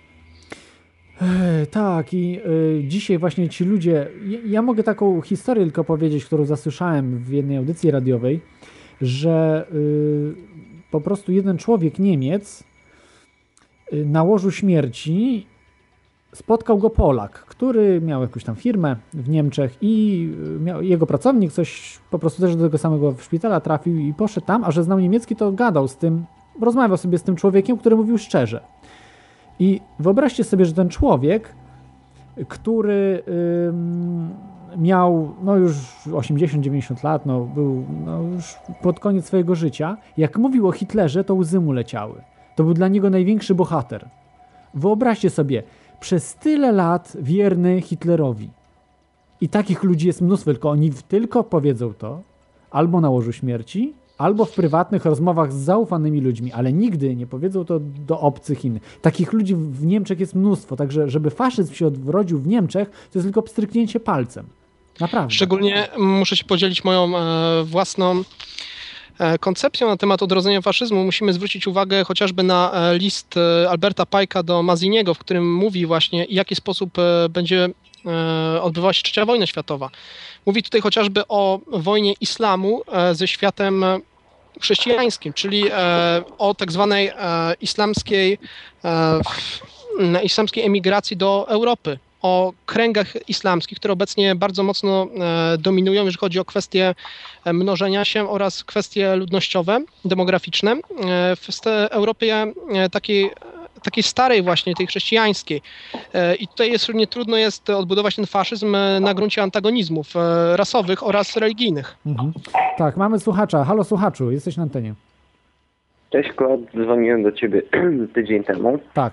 Mam takie pytanie. Powołałem się na mniej więcej na Zebertowicza i tego, że, że jedyną naszą nadzieją jest to, że te frakcje między sobą walczą. Dzisiaj jak słucham audycji, to po prostu jestem w szoku i, i e, no, nie wiem, tak jakby nie było dla nas e, e, i dla naszej jakby wolności jednostki żadnych nadziei. Ale dlaczego Może, może no dlaczego nie? E, To, że wiesz, że my sobie w naszym wąskim gronie e, o czymś rozmawiamy i, Mhm. e, i coś analizujemy, e, no, no, no to jest jeszcze dosyć, dosyć daleko do, do ja- jakichkolwiek zmian. Mhm. A jak upadła władza, e, władza e, faraonów w Egipcie? Nie, nie, ja bym tutaj może przywołał łatwiejszy przykład. Ale nie, to jest bardzo prosty. Po Nie, nie, prostu ludzie przestali procent- wierzyć e, e, w magię kapłanów. Że, Tak, że to ale, są przyję, zwykłe ale przyjęto, to, przyjęto to, tą władzę w inny sposób. Ja bym e, doszedł może do tego z innej strony. Ile procent osób było potrzebne, ażeby wywołać rewolucję amerykańską przeciwko uciskowi monarchii angielskiej? Niecałe 2%. Nic więcej nie trzeba. Mhm. To jest podstawowa teza. Nie możemy docierać do 100%, 100% e, ludności, gdyż 100% ludności po prostu tego nie zrozumie. po- Powołujemy się na Korwina. Ten Korwin Oczywiście. to myśli swobodnie po prostu. Nie no, Korwin po prostu się, y, był, studiował socjologię, tak, czy cybernetykę. Różnych Tak, rzeczy, oczywiście, jasne. Mhm. Książę grą. No to mm, no jest to jak, jakaś nadzieja, no, ale, ale tak jak... jak Oczywiście uważam, Nie, że- wielka, wielka nadzieja. No to jest... Wedle mnie, wedle mnie i mojej, mojej osobistej opinii, e, prawda, jaką tutaj e, przedstawiamy, jest bolesna, ale najpierw trzeba poznać prawdę, żeby zrozumieć system, z jakim e, przyszło nam się konfrontować. To nie jest system, który powstał 100 lat temu, 200 lat temu, to jest system, który towarzyszy nam od samego początku. E, Od czasów Hammurabiego Mhm. nic się nie zmieniło. Największą władzę ma ten, który ma najwięcej niewolników. Nic się nie zmieniło. My musimy to najpierw zrozumieć ten system, żeby móc e, przeciwko niemu e, walczyć. Nie, że na przykład walczymy przeciwko rządom, ale uciekamy w religię, która też stłam, stłamsi naszą wolność. Tak samo nie możemy uciec właśnie w kwestie tylko i wyłącznie ekonomiczne i nie walczyć z rządem jako takim, tak jak robią to niektórzy właśnie liberałowie. E, Musimy libertarianie, sam- libertarianie, tak. No i liberałów. Nie, ja mówię o liberałach, nie mówię o libertarianach, gdyż libertarianie to jest... To znaczy oni, oni, oni stawiają przede wszystkim wszystko na gospodarkę, co, co mówisz nie jest, nie jest najlepszym podejściem, że, że trzeba do, do problemu podejść całościowo, tak? Dokładnie. Musimy podejść do tego e, systemu e, całościowo i odrzucić cały system, nie część systemu, gdyż na tą część systemu zostanie nam dana następna część systemu, która to przykryje. Tak samo jak stało się ze Stanami Zjednoczonymi. E, Przez e, powiedzmy ileś tam lat, chociażby około 100 lat od powołania Stanów Zjednoczonych i wielkiej rewolucji świadomości e, ludzi, którzy tam żyli pod berłem króla angielskiego, Zrobiono świetną robotę wywiadowczą i ci ludzie już spali, kiedy założono właśnie w 1871 roku brytyjską korporację, którą obecnie oglądamy właśnie w telewizji jako rząd Stanów Zjednoczonych. E, Nie możemy zaspać jako tako. Musimy zrozumieć e, cały proces, e, musimy zrozumieć cały system i następnie zakwestionować cały system, nie cząstki systemu jako takie. Ja jeszcze tylko dodam, że y, dodam tutaj, że właśnie centrum finansowe świata i w ogóle skąd się zarządza całym światem, to w tej chwili jest w London City. Z tego co słyszałem z, od whistleblowerów i spiskowców, którzy uczestniczą w tym niby spisku, czy, czy ludzi, którzy mają sporą wiedzę badając to. Nie wiem, czy się zgodzisz z tym, Marcinie, że właśnie nie właśnie w, na Wall Street czy Nowym Jorku, tylko właśnie, właśnie w Londynie, w y, London City. E, Oczywiście zgodzę się z tym. e, Przede wszystkim wynika to z tego, iż e, obecny rząd Stanów Zjednoczonych jest brytyjską korporacją, więc oczywiste jest to, że właśnie finanse będą, roz, będą rozkładane właśnie w Londynie, nie w Nowym Jorku czy w Waszyngtonie. Jednakże ja bym chciał pójść o krok dalej, gdyż w 1213 roku za papieża Innocentego III właśnie Watykan kupił całkowicie kupił Wielką Brytanię. Do teraz nie odwołano tego prawa. Więc jeżeli mówimy o Wielkiej Brytanii i ekspansji e, finansjery brytyjskiej, to mówimy o Watykanie, który wykupił tą ziemię. Do teraz jest to lenno Watykanu. Jest to niesamowita sprawa, więc jeżeli mówimy o e, spiskach, jeżeli mówimy o konspiracji, jeżeli mówimy o rządzie światowym, mówimy w prostej linii o Watykanie i o jezuitach. Nie mówimy o nikim innym. System finansowy jest podległy. Ja jeszcze To nie system mhm. finansowy. Jeszcze powiem taką ciekawostkę, bo y, z tego co pamiętam, to było coś takiego, że na ślub tego Williama i Kate, y, ten taki wiadomo wielki, że przyjechał też Obama, tak? Coś takiego było, że y, oni po prostu tak jakby wszyscy oddawali cześć y, władcy tak naprawdę y, świata. Oczywiście, ja bym, ja bym chciał wrócić do tego, iż e, wielu Amerykanów e, wzięło e, tytuły królewskie od, od królowej brytyjskiej, czyli przysięgało jej dozgonną wdzięczność i dozgonną, że tak powiem, dozgonne lenne poddaństwo. Chociażby byli to tacy ludzie jak Ronald Reagan, jak George Henry Bush, czy chociażby uhonorowany specjalnie za e, swoje wkład, wkład wielki w globalizm Bill Gates. Czyli ci ludzie krękają przed e, koroną brytyjską, gdyż jak już przedtem mówiliśmy, są częścią korporacji brytyjskiej, nie, e, nie są częścią rządu Mhm. Stanów Zjednoczonych. No, są też masonami Ja bardzo często, także masonami. Ale oczywiście to się, to się łączy, gdyż Tak, masoneria tak, tak. obecnie jest e, klubem dyskusyjnym, gdzie ogromne ilości ludzi, którzy mają potężną Mhm. władzę, spotykają się, ażeby rozmawiać na poważne tematy. Masoneria sama w sobie nie ma Mhm. władzy, jednakże osoby, które przychodzą do masonerii, przynoszą władzę owej Mhm. Masonerii. Okej, e, pytanie, tak? Jeszcze, jeszcze masz? Mam do Ciebie jeszcze takie pytanie. Jak to wygląda w innych kręgach kulturo- e, kulturowych? Na wschodzie, nie wiem. Czy, czy, czy oni są jakby wciągnięci w tą globalną e, politykę e, Oczywiście. brytyjską od korony, E, czy, czy to jest jakby podległa ko- według tego, co twierdzisz, bo no, dla mnie to jest pewna abstrakcja. Nie, nie mam, wiesz, nie mam na tyle wiedzy, żeby, żeby ani zaprzeczyć, ani, ani tego potwierdzić, ale, ale czy to jest, nie wiem, podległa korporacja e, dla, dla korony brytyjskiej, czy... E, Oczywiście, czy chociażby, jest- chociażby West India Company nigdy e, tak naprawdę nie utraciła swojej władzy nad swoimi terenami. Tak samo e, tereny e, Ameryki Południowej, i R, czyli RPA. E, RPA e, przed rewolucją było zarządzane przez e, brytyjską rodzinę, naznaczoną przez koronę brytyjską. Rodzina ta nazywała się Oppenheimerowie. Owi Oppenheimerowie posiadali około 85% e, gospodarki właśnie RPA. Po przewrocie To znaczy- Nelsona a po przewrocie Nelson, Nelsona Mandeli, to tylko tak skończę przykład. Po przewrocie Mhm. samego Nelsona Mandeli, owi Oppenheimerowie posiadali już ponad 90% gospodarki. Czyli zmieniła się fasada, ale Tu podajesz takie wprost przykłady, nie wiem, bo podawanie przykładu RPA na przykład, albo ale, które było zawsze zależne od, od praktycznie i, cokolwiek tam się, co mamy zapisane u nas w, przez naszą zachodnią kulturę o RPA, to, to, to są zapisy brytyjskie, to jest po prostu naturalne lenno jakby brytyjskie, to samo masz Australię. E, To samo masz Indię, ale, ale na przykład jaki jest stosunek do, do Iranu, do, do Chin, do, do troszeczkę E, innych dobrze. e, E, to jeżeli chodzi o, o Bliski Wschód jako taki, to było parę państw, które nie posiadały banku centralnego zarządzanego przez prywatny kartel Rothschildów, którzy są bankierami korony brytyjskiej i papiestwa. Była to chociażby Syria, znaczy była, nadal jeszcze to jest.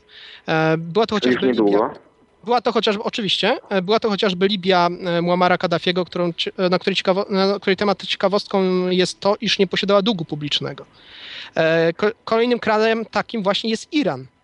Więc Iran, Iran przepraszam, bo, bo ja, mam, ja mam problem z komunikacją, bo, bo, bo, bo Tak, tak, tak. przez telefon to tylko to... Iran ma na przykład największym e, problemem Iranu, z tego co, co czytam od, ostatnio w, w analizie, największym zagrożeniem, że tak powiem, jest to, że Iran chce utworzyć własną giełdę, giełdę ropy, niezależną od dolara. Jest to podobno gigantyczny problem polityczny, geopolityczny w ogóle. E, dokładnie. E, Przed, e, przed wojną iracką właśnie Saddam Hussein też chciał odejść od dolara Dokładnie w, rozlicza- w rozliczeniach na, e, na ropę i skończyło się do niego, dla, to dla niego właśnie tragicznie. Tak samo skończy się to dla establishmentu e, teokratycznego w Iranie. Jeżeli mówimy, więc- e, mój drogi, jeżeli mówimy o e, kontroli e, mocarstw dawnych kolonialnych, czyli Bryty, brytyjskich, zarządzanych właśnie poprzez tą ustawę z 1213 roku przez Watykan, mówimy tutaj o zarządzaniu finansowym, nie mówimy tutaj o zarządzaniu wprost. Mhm. To, to, to, to tak ważne dla słuchaczy też, że- że- żeby wiedzieli o, o, czym rozmawiamy, w jaki sposób No i tutaj znowu, władza, i tutaj nie- znowu e, dokładnie, i tutaj znowu odsyłam do książki właśnie e, Phelpsa Vatican Assassins, gdzie to wszystko jest opisane, w jaki sposób jezuici e, manewrują właśnie w światowej polityce, światowym e, kartelu e, bankowym, e, ażeby stworzyć e, świat globalny. No, warto przeczytać, to jest niezwykła książka. Mhm. Dobra, no to ja, ja w sumie tyle, dzięki. Razie. Dzięki. E, Dzięki e, za telefon. E, I tak. i Jeszcze chciałbym tutaj powrócić, taką zrobić jeszcze tą paralelę do tego, co wcześniej mówiliśmy o czwartej Rzeszy. Jak Tak, się tak. zapatrujesz na tą Rzeszę, że ona mogła istnieć na przykład na Antarktydzie, mogły, mogli zrobić jakieś bazy, mogła, mo, mogli się Mm, rozwinąć? To znaczy, tak, tak, e, to powinniśmy wrócić do kwestii ewakuacji e, strategicznych e, Mhm. III Rzeszy. Trzecia Rzesza miała plan B. Planem B III Rzeszy była ewakuacja strategiczna i finansowa, i militarna, i ewakuacja podstawowych ludzi, takich jak Martin Bormann chociażby, do Ameryki Południowej oraz, tak, masz rację, na Antarktydę. E, Mówimy tutaj o wybrzeżach Patagonii, które e, rozciągają się na około e, 4000 km, na obrzeżach Argentyny i na obrzeżach Chile. Tam właśnie uboty niemieckie e, przybijały do brzegu, przynosząc e, ogromny kapitał, e, kapitał technologiczny także, czyli e, nowoczesne patenty, gdyż e, na przykład e, cały mm, argentyński program nuklearny jest oparty na patentach e, niemieckich. Mówimy tutaj także o ewakuacji technologii do krajów takich jak Turcja czy e, Japonia. E, Stąd mamy ten wielki cud e, gospodarczy Japonii, gdyż był on oparty na niemieckich patentach. Jeżeli mówimy o ewak- ewakuacjach finansowych, chciałbym to bardzo dokładnie omówić. bo To jest niezwykły temat. Ewakuacje finansowe zaczęły się od Karla Wolfa, szefa osobistego sztabu Himmlera. To właśnie on otworzył furtkę do ewakuacji finansowych, proszę Państwa.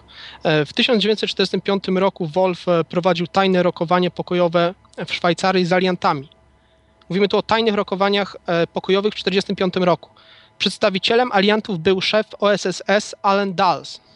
Owy Allen Dulles był także członkiem zakonu maltańskiego. Owy zakon maltański Je- jest... Jeszcze przypomnę, bo to jest znana postać. Czy on nie był przypadkiem szefem CIA? Tak jest, był pierwszym cywilnym szefem A wiesz e, jeszcze CIA. czego był szefem? Mało kto o tym wie. Majestic 12. Też był E, tak, tak, e, ale wróćmy do tego tematu, to Dobrze, potem dobrze. omówimy Majestic 12. E, ten sam Wolf parę miesięcy przed, e, powi- przed tą sytuacją tych rokowań właśnie z Wolfem powitał, e, znaczy, przepraszam, z Dalsem, powitał papieża Pacellego pozdrowieniem Heil Hitler. E, Wolf, pomimo iż brał udział e, w masowych deportacjach Żydów do obozów zagłady, uniknął osądzenia przez Trybunał Norymberski. Za dużo wiedział. E, Przejdźmy więc dalej. Mm, Okazuje się, że o ile na temat separatystycznego zawieszenia broni Dals rozmawiał z Wolfem jako przedstawiciel amerykańskiej agendy rządowej, to już co do ewakuacji finansowych rozmawiał jako prywatny finansista. I to jest cytat z opracowania na temat e, ewakuacji e, finansowych III Rzeszy. FBI zaczęło prowadzić e, dochodzenie przeciwko wielu amerykańskim przedsiębiorcom, które, e, którzy maskowali nazistowskie aktywa agenci federalni sami przyznali, że w dużej mierze popsuli sobie szyki, próbując rozpracować rozległą sieć powiązanych wzajemnie przedsiębiorstw, którą nazwano, i tutaj jest niesamowita rzecz, siecią Schroedera Dalsa. Schroeder był e, jednym z największych magnatów finansowych III Rzeszy oraz e, Alan sz, e, późniejszy szef CIA. A mogę Państwu powiedzieć bardzo ciekawą rzecz na temat samego CIA. Wszystkie organizacje, które miały stworzyć CIA, tak jak na przykład OSSS i ich szef William Joseph Donovan, znany jako Dziki Bill, był, sze- e, był członkiem zakonu maltańskiego. Następnie OSSS została przemianowana na wiele różnych małych e, służb e, oraz następnie na CIA. E, Zaś każdy członek, e, przepraszam, członek, szef CIA był członkiem zakonu maltańskiego. Każdy. Jeżeli mówimy o CIA, mówimy o watykańskiej organizacji e, na terenie Stanów Zjednoczonych. Więc e, przejdźmy dalej e, w- kwestii Watergate. E, Watergate, e, ten hotel e, był e, własnością Watykanu. E, Poprzez spółkę Immobiliare Watykan posiadał hotel Watergate. Więc jeżeli e, zrozumiemy, że CIA było e, częścią e, watykańskiego establishmentu na ziemiach amerykańskich poprzez swoją agenturę rycerzy maltańskich, zrozumiemy, iż właśnie zrobiono włam do własnego domu i wyleciał Nixon, który nie był Mhm. związany. Tak. No, ba, ba, bardzo, bardzo ciekawie opowiadasz, to, to wszystko łączysz e, ze sobą fakty, ale no, audycja musiałaby chyba potrwać jeszcze 10 godzin dłużej, żeby, żeby to wszystko ogarnąć jeszcze i, i się wgłę, wgłębiać w różne rzeczy. E, Natomiast mm, chciałbym jeszcze tutaj tak szybko zapytać o dwie rzeczy. Pierwszą y, to o eugenikę, która też jest właśnie powiązana z y, faszyzmem, a bardziej nazizmem, y, ale po części też i z komunizmem, o, o czym mało kto wie. I właśnie eugenika, prawda, nie jest to wynalazek XX wieku. Absolutnie eugenika nie jest e, wynalazkiem e, XX wieku. E, Źródłem eugeniki e, jest e, kontynent e, e, Ameryki Północnej. Dokładnie Mhm. Ale Stany czy, to byli, Zjednoczone. czy to byli masoni iluminaci, którzy maczali palce w E, zaraz, zaraz dokładnie o Dobra. Mhm. tym e, opowiem. E, Właśnie pierwsze badania eugeniczne zapoczątkowano w Kalifornii. e, W Los Angeles za pieniądze Carnegie Institution. E, Tam chociażby uczyli się e, w sposób nieformalny tacy ludzie jak Joseph Mengele. Począwszy od stanu Connecticut w 1896 roku, e, wiele stanów wprowadziło prawa małżeńskie oparte na kryteriach eugenicznych, które e, zabraniały ożenku epileptykom oraz ograniczonym i niedorozwiniętym umysłowo. Następnie wprowadzono do lat 30. w Stanach Zjednoczonych prawa eugeniczne, które zabraniały mał- małżeństwa i posiadania dzieci osobom, które, to jest bardzo ciekawa sprawa, były po prostu biedne. E, były, e, Mhm. te właśnie kwestie eugeniczne były finansowane przez Carnegie Institution, która jest, jak wiemy, frontem e, Rockefeller Institution i wszystkich Rockefeller Trustów i innych fundacji Rockefellera, których jest pełno na całym świecie. Mhm. Zresztą do, do Rockefeller jest Mhm. człowiekiem wrzenionym w rodzinę Rothschildów. Taka ciekawostka. Mhm. Więc jeżeli mówimy o eugenice, jeżeli mówimy o kwestiach rasowych, mówimy o Stanach Zjednoczonych. Mówimy o wielkiej finansjerze. No, E, zresztą a o Gatesach, przepraszam, tak powiem, bo to też jest zna- znany ród Gatesów, przecież to też nie, nie wywodzi się od y, Gatesa tego. Ym, Ja myślę, że tam był spisek taki, że, że pozwolono po prostu Gatesowi, ale to na inny zupełnie odcinek. Dla, dlaczego zarobił te pieniądze i dlaczego pozwolił IBM mu tak zrobić to, co zrobił. E, Ale o, to jest chyba też taki wielki eugenik, który przeznacza olbrzymie pieniądze na eugenikę. Chyba, nie wiem, jedne z większych. Znaczy, Bill Gates. E, przeznaczył jedną trzecią swojego majątku na badania nad e, szczepionkami e, przenoszonymi przez komary. Mhm. To jest bardzo ciekawa sprawa. Znaczy, wracając do samej eugeniki, powinniśmy popatrzeć na, na to w bardzo ciekawy sposób. Poprzez klub rzymski. Mm, Ten właśnie klub rzymski, operując na błędnej tezie Thomasa Malthusa, uważa ludzi za zagrożenie dla planety. Wszystkich ludzi uważa za zagrożenie dla planety, jest to kult matki Gai. Promują także jeden światowy rząd i dla dobra planety musi nas być teraz, e, żeby klub rzymski był zadowolony, około 500 milionów osób. E, ONZ realizuje ten pomysł, proszę Państwa, jako agendę 21. E, Wdraża takie programy jak chociażby kodeks alimentarius, który zabrania za duże ilości witamin w jedzeniu. Czyli nie Tak, możemy tak, mieć tak. witamin, nie możemy mieć minerałów e, w Mhm. jedzeniu, żebyśmy szybciej umarli. To znaczy, y, wiem, że możemy y, i póki co jeszcze, bo to nie jest jeszcze obowiązujące prawnie, tylko dostosowują się państwa do tego kolekcjum elementaris, ale, Ale to już jest, ale to już jest e, przeprowadzone prawnie przez ONZ. Teraz e, jest tylko kwestia dostosowania Tak, prawnego, tak, które tak, tak, nada, tak, ja tak, tak, tak, to jest e, oczywiście ONZ-u, tylko że nie ma jeszcze obowiązku prawnego, prawda, żeby w Polsce stosować. Natomiast tam są tak zaniżone dawki, ja testowałem na sobie, jak, ja- jak już wam mówiłem, e, witaminę D3. Tam są dziesięciokrotnie albo dwudziestokrotnie zaniżone dawki witaminy D3. Czyli jeżeli wprowadzi się takie dawki, to te dawki, które ja przyjmuję, takiej witaminy, to będą, y, z, zamkną mnie w więzieniu albo w szpitalu psychiatrycznym, że y, po prostu próbuję siebie otruć. Nie, zostaniesz dealerem. A, a albo właśnie faktycznie dealerem y, narkotyków, y, witamin. Tak nie, jest. nie, nie, witamin. Dealer witamin, tak. chemicznych. To jest niesamowite. Do, do czego mo- możemy dojść? I to może być, jeżeli się nie obudzimy, jeżeli po prostu nie powiemy nie, dosyć. Y, To znaczy, to- tak, e, to będzie, tylko e, pytanie jest takie, e, ile mamy czasu? Ile mamy czasu e, do momentu, kiedy rząd światowy będzie przypieczętowany już na 100% i nie będzie odwrotu jako takiego, kiedy powstanie armia światowa. To jest podstawowy trend. Kiedy powstanie Mhm. poważna armia światowa, jest już absolutny koniec. Kropka. Nasze zaczątki E, są już. Z tego co wiem, właśnie nato, zaczątki, natowskie a- struktury. Ale Natowskie to musi być struktury. armia tak silna, e, ażeby mogła stłumić e, każde powstanie e, Mhm. narodów. No jeszcze takiej nie ma. Na szczęście dla nas jeszcze nie. E, ma. Na szczęście, dlatego mamy jeszcze trochę czasu. Mhm. No, ale to myślę, że też do, do, do, docierają tego typu audycje do ludzi, którzy istnieją w tych strukturach i coś może im się obudzić, więc wtedy, jeżeli przyjdzie moment próby, bo przyjdzie taki moment, to oni może staną po naszej stronie i wtedy to się wszystko posypie jak domek z kart, tak jak David Icke pięknie to mówi, że to po prostu jest domek z kart, wystarczy jedną kartę wyjąć i się rozsypie. Miejmy nadzieję, że tak będzie, jednakże ja uważam, iż nie jest to aż taki domek z kart, gdyż e, często wyna e, wynajdowano tą słabą kartę, wyciągano ją, a na to miejsce dokładano dwie czy trzy następne karty, które stabilizowały owy domek. E, więc mówię, no potrzebna jest analiza systemowa, a nie analiza poszczególnych części systemu. Mhm. Więc jeżeli tutaj rozmawiamy o e, finansjerze, to musimy ją łączyć także z polityką, musimy ją także łączyć z religią. Nie ma innej opcji. E, Inaczej będziemy w ciągłym błędzie i będziemy ciągle manipulowani. Tak. No ja się z tobą w 100% zgadzam akurat z tym, bo y, nie wolno patrzeć na coś tylko przez pryzmat y, jednej rzeczy, bo to jest y, bardzo mm, no, takie prymitywne patrzenie na, na rzeczywistość i no nie ma tak, że zmienimy jeden, i, takie mamy powiedzmy maszynę, prawda, że jeden przytyczek zmienimy i już będzie wszystko dobrze. Tak nie ma po prostu. To, to nie tak działa wszystko. To jest, to jest teoria chaosu. Cały świat jest teorią chaosu. Czyli jak wiecie, jak działa chaos, nie da się y, wpłynąć y, jednym sztyczkiem na wszystko. To nie jest maszyna taka prosta. To jest maszyna chaotyczna, tak? Czyli gdzie zachodzą zjawiska y, nie, nieciągłe, czy, czy z matematyki wzięte, które są, no nie wiem, no te chaotyczne powiedzmy. Y, jakie, jakaś jest specjalna chyba na to nazwa, atraktory, czy inne jakieś tam y, inne y, struktury.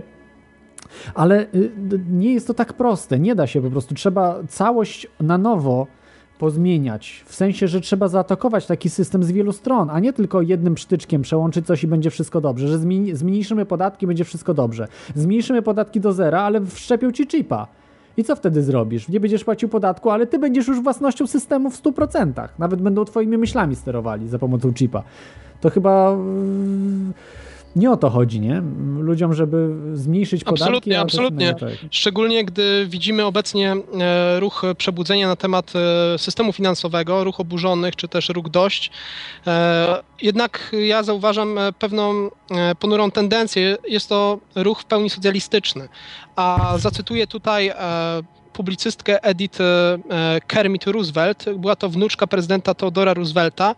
E, Ona pisała w taki sposób e, w Indianapolis News o punkcie widzenia CFR-u, czyli tej agendy właśnie paramasońskiej kształtującej politykę Stanów Zjednoczonych. Proszę, Państwa, niech Państwo posłuchają. Najlepszym sposobem zwalczania komunizmu jest jedno światowe państwo socjalistyczne, rządzone przez ekspertów im podobnych.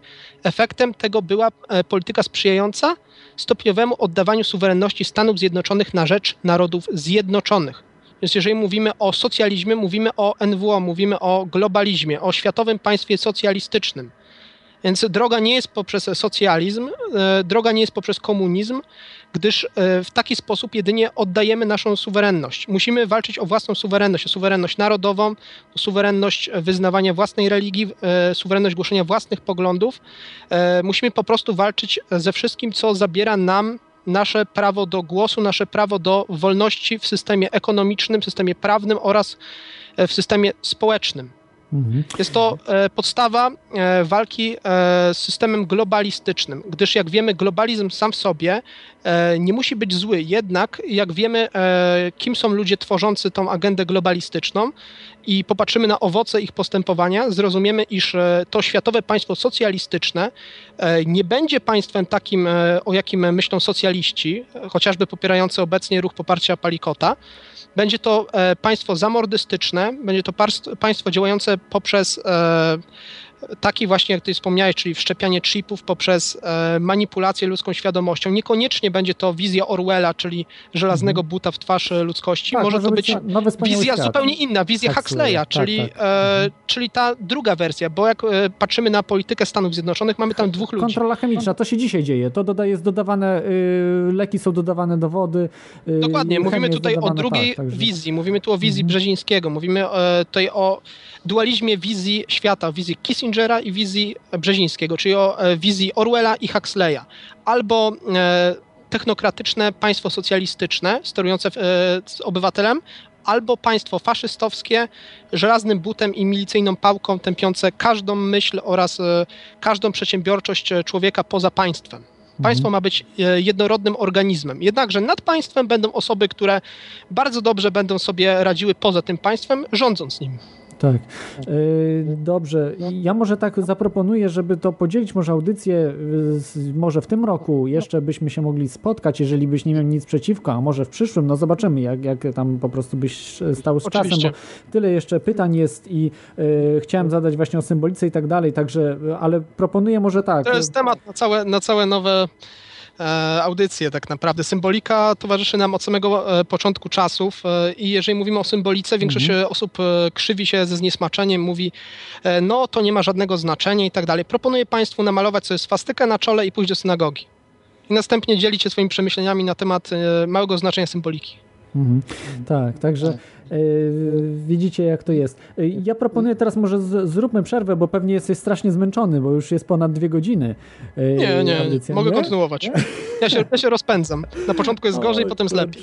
Dobrze, ale ja niestety muszę przyznać, że jestem trochę padnięty, bo nie za dużo spałem. Okej, I, to e, zróbmy przerwę. Zróbmy przerwę E, na Ile utwór. czasu byś potrzebował?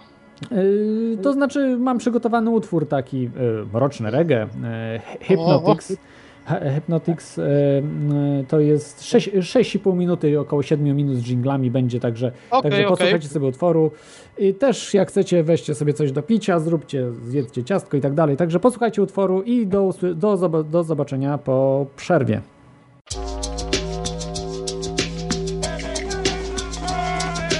dëgg la démb weesu na wante lu mate fàttaliku la ndaxte démb tax ñu naan tey Hiroshima ak Nagasaki tey Algeria Burundi ak Rwanda. Ma ne Afrika ñun waa Afrika. Ma ne Afrika waa Afrika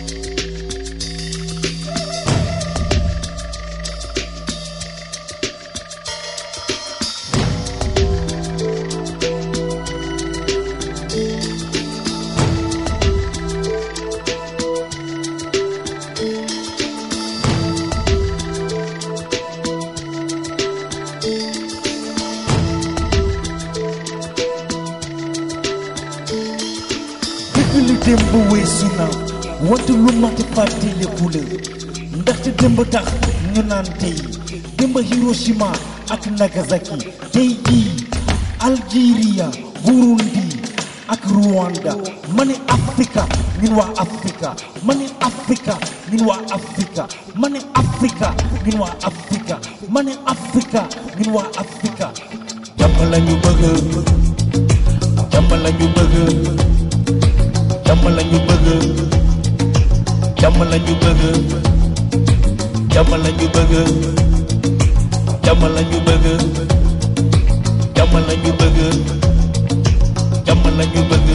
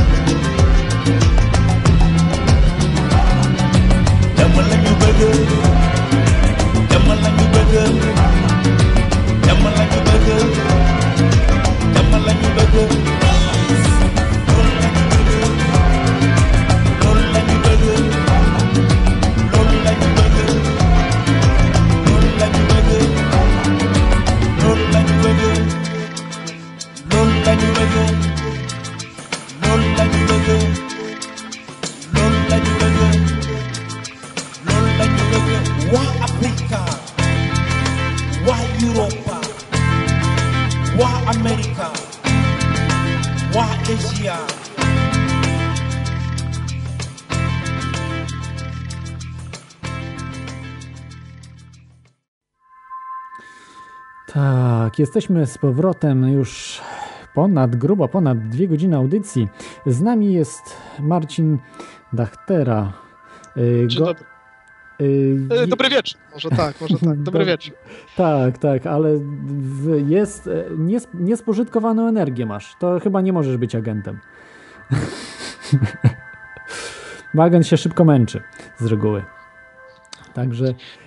E, No dobrze, to ja jeszcze chciałbym tak, e, e, dzwońcie. O, macie ostatnią szansę dzwonić. skypekontestacja.com albo 222 195 321 E, i ja może tak na koniec, takie, bo jak już mówiłem, że będziemy mam nadzieję, spo, jeszcze wielokrotnie się spotykali tutaj w Teorii Chaosu, może w jakichś innych audycjach, no zobaczymy jak Mam to, to przyszłość e, pokaże. E, obgadać zupełnie te inne sprawy, bardziej symboliki, prawda, jakichś takich e, bardziej już mistycznych rzeczy, które, o których dzisiaj w ogóle nie poruszyliśmy. Tak naprawdę Bardzo jest mnóstwo. A ja tylko takie, takie pytanie y, zadam ci. Y, co sądzisz o obcych cywilizacjach i y, no UFO ogólnie, o, o tym wszystkim, co, co, czym zajmuje się ufologia? To znaczy, jako tako, e, jeżeli chodzi o ufologię, to też zajmowałem się tym tematem. E, Jednakże chciałbym na przykład odwołać się do takiego ciekawego e, fizycznego sformułowania, że wszechświat jest nieskończony, więc jeżeli wszechświat jest nieskończony, jest także nieskończona możliwość istnienia życia, które e, jest na wysokim poziomie zaawansowania i może do nas dotrzeć, więc e, nie jest to niemożliwe, nie jest to możliwe, jest to pewne, że istnieje taka cywilizacja. Kwestia, czy ta cywilizacja tutaj już dotarła, jest kwestią sporną, jednakże ja stoję przy takim paradygmacie, iż to się stało. E, Chociażby będę dawał na ten temat e, prezentację, na którą Państwa zapraszam już w poniedziałek lub we wtorek e, na serwisie YouTube. Prezentacja ma piękną nazwę Bogowie Edenu, Mhm. w której zaprezentuję ciekawe cytaty z Biblii oraz obrazki, które mają świadczyć właśnie o tych wizytacjach. Jednak traktuję to jako teorię, nie jako pewnik.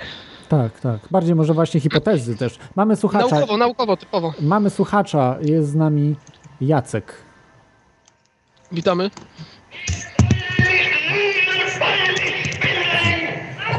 Cześć. Ein Volk, ein Reich, ein Ein- Führer.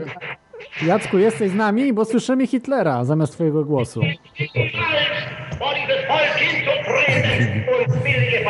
Nie, niestety, niestety, dobrze. Hitlera nam wystarczy generalnie słuchać. E, no. Dziękujemy, dziękujemy za telefon, Dziękujemy. panie Adolfie. Adolf Hitler Wiem, że wiem, dziękuję, że polecałem pańską książkę New World Order. Ale jeden problem był, że miał chyba korzystał z mikrofonu blisko laptopa i słychać było, że Hitler pisał. Ale czy Hitler mógł pisać, więc raczej Ale Hitler Hitler. żyje, Hitler żyje, tak samo jak Elvis, nie martwmy się. Goście o tym mówią, dzwonią Dobrze, do nas. to ostatni telefon, bo to był niepełny telefon, bo z Hitlerem ciężko było gadać, bo on tylko mówił w jedną stronę. Ostatni telefon. Halo słuchaczu, jesteś na antenie. Dzień dobry. Dzień dobry. Już tylko wyciszę, Dobry wyciszę wieczór. radio. Tak. Dzień dobry, mam takie pytanie. E, e, To który kraj jest mocarstwem? e, Czy Stany Zjednoczone, czy Wielka Brytania? Bo po prostu ja już po prostu trochę mi to Wielka robi... Brytania. E, Który kraj jest e, moc, mocarstwem światowym teraz na Ziemi? Czy Stany Mamy- Zjednoczone, czy... Okej, okej, mam to, ja to ja odpowiem. E, Jest to prosta zależność lenna. Jeżeli e, papiestwo kupiło w 1213 roku e, właśnie kwestię Wielkiej Brytanii, a Wielka Brytania od 1871 roku założyła korporację, która rządzi Stanami Zjednoczonymi, to mocarstwem światowym jest Watykan, jest Rzym, nie e, Wielka Brytania.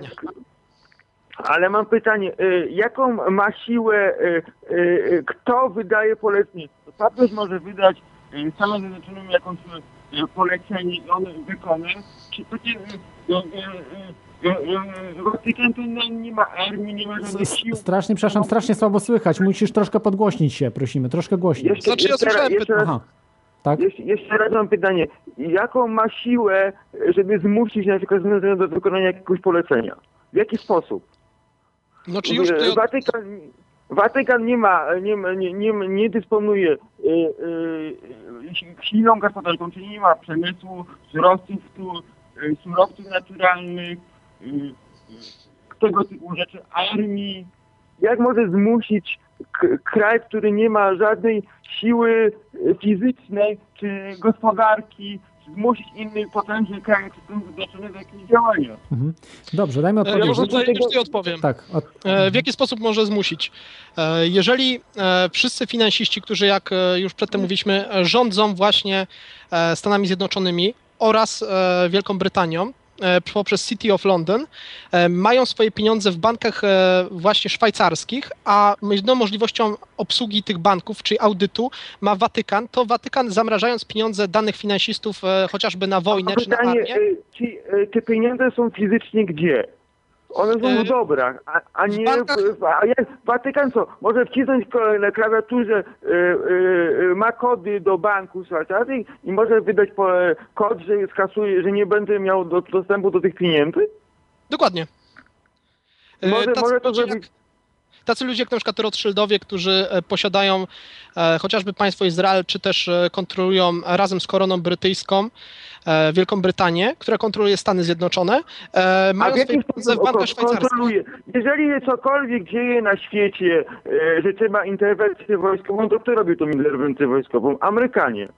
Amerykanie mają, mają, mają armię, mają ten, mają, mają te spo, stosunkowo mocne służby specjalne. e, Ale to są marionetki, to jak są marionetki. Można, to można, można wysłać kilku agentów i można przyjąć te banki, czy coś, coś zrobić. Złoto mają swoje, mają, mają e, i- gospodarka Nie, nie, trochę nie. kuleje, wiadomo, kuleje teraz, ale, ale y, te siły, a Wielka Brytania, Wielka Brytania y, ma, ma jakąś tam, y, ja mówię od strony militarnej Mhm. i fizycznie gospodarki, gospodarki, y, gospodarki w ten sposób, a, a człowiek to po prostu jest y, y, y, ten, y, pod tym kątem my, myślę, że jedna osoba nie może kontrolować całego świata. Czy nawet Jap- Chiny, teraz Chiny się robią na mocarstwo. Dobrze, dobrze, to jest na następną edycję naprawdę, bo jest bardzo szerokie pytanie. to- Chiny po prostu tak. co? China, y, Wielka Brytania będzie rządziła Chinami, czy, czy kraj... Zaraz, taki zaraz e, odpowie, Go, gość odpowie. Da, dajmy gościowi odpowiedzieć. Dobrze, dziękuję, dziękuję za pytanie.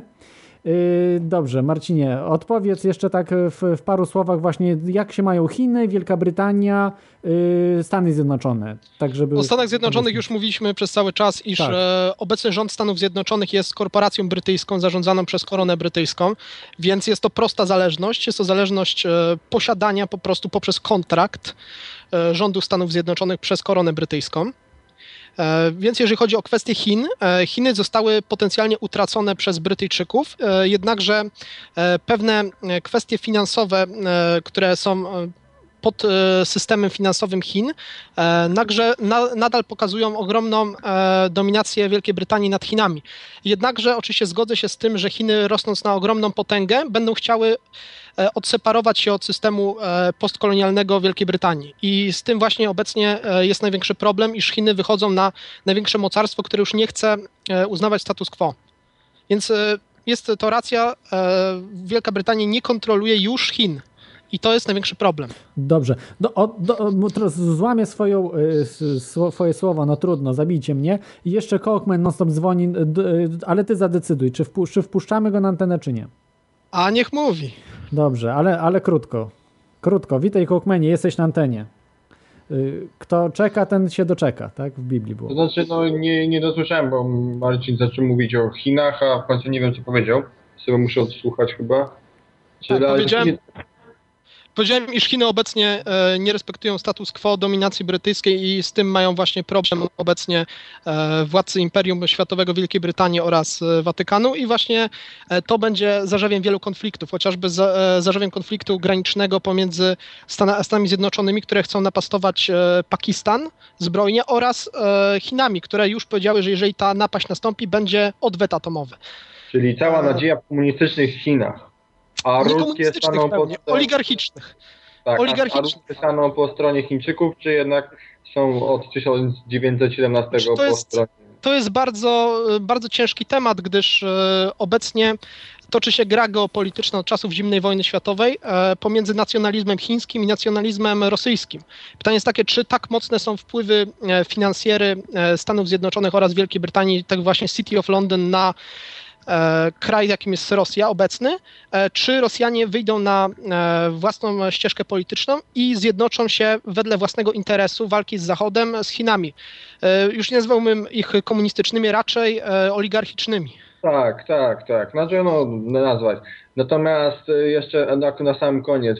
Y, Innocenty III zawarł tam ten pakt y, właśnie z Janem Bez Ziemi, ale ja czytałem chyba dzisiaj, że Jan Bez Ziemi przestał spłacać po dwóch latach, potem dał przywileje baronom, czyli praktycznie od Dokładnie. 1200... 1000, no dobrze, przestał spłacać, czyli to ja zawieram z tobą umowę, ale potem ty jej nie egzekwujesz, czyli ta umowa w zasadzie staje się nieważna, co z tego, że ona jest pisana, to jest tak zwane To martwe już, prawo. e, to już zaraz e, skwituję to. E, Stąd właśnie wynikają wojny pomiędzy Wielką Brytanią a Imperium Hiszpańskim, gdzie właśnie e, papiestwo poprzez e, siłę Imperium Hiszpańskiego próbowało zmusić właśnie do respektowania e, tego przymierza Brytyjczyków. A Chociaż e, wcześniej czasami nie francuskiego, bo, E, bo była także- bitwa pod Także ja, mówię tutaj o, 1214 ja tutaj mówię o decydujących się, decydujących, decydujących uderzeniach w kwestii właśnie wojny Watykanu o supremację nad Wielką Brytanią. No dobrze, ale przecież się- Francis, Drake pokonał wielką armadę hiszpańską. tak, No e, i to czyli Wielka Brytania jest niezależna.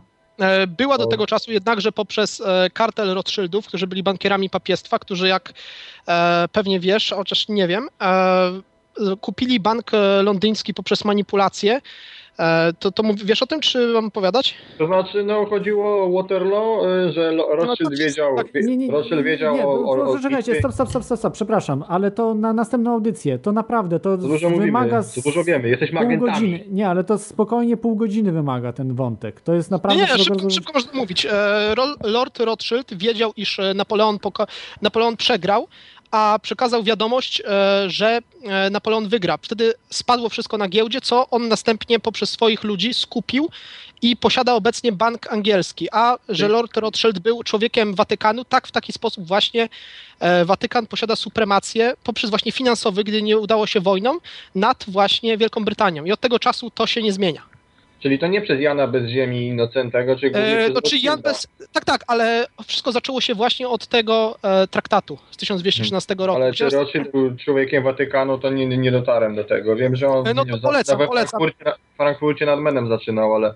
E, No właśnie, e, polecam e, zbadać właśnie kwestię Rothschildów pod poprzednim nazwiskiem, czyli Bauerbergów, bądź też Bauerów. Bo to Mhm. jest, e, oni zmienili nazwisko następnie na Rothschild e, po tym, jak zostali e, bankierami kor- korony brytyjskiej. I zmienili wtedy e, swój herb od właśnie na herb właśnie podobny do korony brytyjskiej. Mhm. I ja Okej, proponuję to- to już zakończyć na tym, bo naprawdę Tak. jeszcze musimy troszkę po- porozmawiać. Na pewno ten wątek właśnie symboliki, przede wszystkim właśnie skupimy się bardziej prawda, na tych Inne. tajnych stowarzyszeniach i, i, Indie, no. ta, tak, i geopolitycznych podziałach też. Natomiast y, jeszcze chcie, chcielibyśmy na chwilkę o książce porozmawiać. To dziękuję Ci, Kołkmenie, za, za ten głos. Dzięki, dzięki. Spoko, cześć. Cześć. Yy, Dobrze, Yy, to jeszcze byśmy mogli porozmawiać o Twojej książce, która ma zostać wydana. Już masz plany wydania w przyszłym roku, czy może jeszcze w tym? Na gwiazdkę? Czy prawdopodobnie w przyszłym roku, kiedy skończę e, tworzyć e, prezentacje, w których zarysuję e, w prosty sposób rzeczy, o których będę mówił w swojej książce. Obecnie jestem na etapie pisania na temat starożytności, gotowe są już bibliografie, Mhm. wiem na jaki temat będę pisał, znam odpowiedzi, teraz jest kwestia spisania po prostu. Ma być prosta książka adresująca tematy do e, ogólnej publiki, gdzie następnie poprzez bibliografię będzie można dojść do szczegółu jako takiego, skąd wziąłem te informacje i tak dalej. Tak. Czyli nie Yy, będzie praca przyczynkowa, to będzie praca sumaryczna. Mhm. Yy, rozumiem. Yy, Twoja książka będzie się nazywała Ukryta historia. Prawdopodobnie, chociaż jest już Może- parę książek w tej nazwie, więc Aha, będzie trzeba rozumiem. prawdopodobnie zmienić. Ale będziemy jeszcze dobrze. rozmawiać na ten temat, więc na razie polecam moje prezentacje, nie e, książkę, gdyż no, kwestia priorytetów. Mhm. Y, Ja tak powiem trochę o niej, bo y, przeczytałem wstęp na y, stronach Mikołaja Rozbickiego, właśnie Czas Przebudzenia, bo tam udostępniłeś wstęp, tak, do tej książki. Okej, I, to jest wersja beta oczywiście. Tak, tak, tak, tak, rozumiem. Dla mnie ta książka właśnie trochę jest tak jakby połączenie książek Michaela Cremo z książkami Jima Marsa, czy, czy właśnie... Tak jest, którzy- będzie mowa o wszystkich e, kwestiach Mhm. historycznych, o których po prostu się e, nie mówi, Mhm. bądź też też o pewnikach historycznych, takich jak na przykład to, iż e, Cheops wybudował piramidy w Gizie, które nie mają e, żadnego przełożenia w faktach. Tak samo, e, jeżeli pomyślimy o tym, iż piramidy w Gizie zostały wybudowane przez Hufu, e, skąd to wiemy tak naprawdę? Wiemy to od Herodota. Jednakże jak cofniemy się do samego Herodota, właśnie tam to opisałem. Co mówi Herodot i skąd miał tą wiedzę? Ale to może E, zostawmy na, na następny odcinek, jak będziemy o tym, o, o tym mówić, bo to jest e, piramidy. Ja tylko wam powiem ciekawą rzecz, że piramida Cheopsa jest najcięższą budowlą na świecie. Do tej pory nikt nic cięższego nie wybudował. Wyobrażacie sobie? Coś nie, nieprawdopodobnego po prostu. I y, nawet Hoover Dam, tak, którą budowano nie wiem ile lat, ale lano betonu, to jest chyba największa tama na świecie. Y, tama Hoovera Jest w Stanach lżejsza. Zjednoczonych.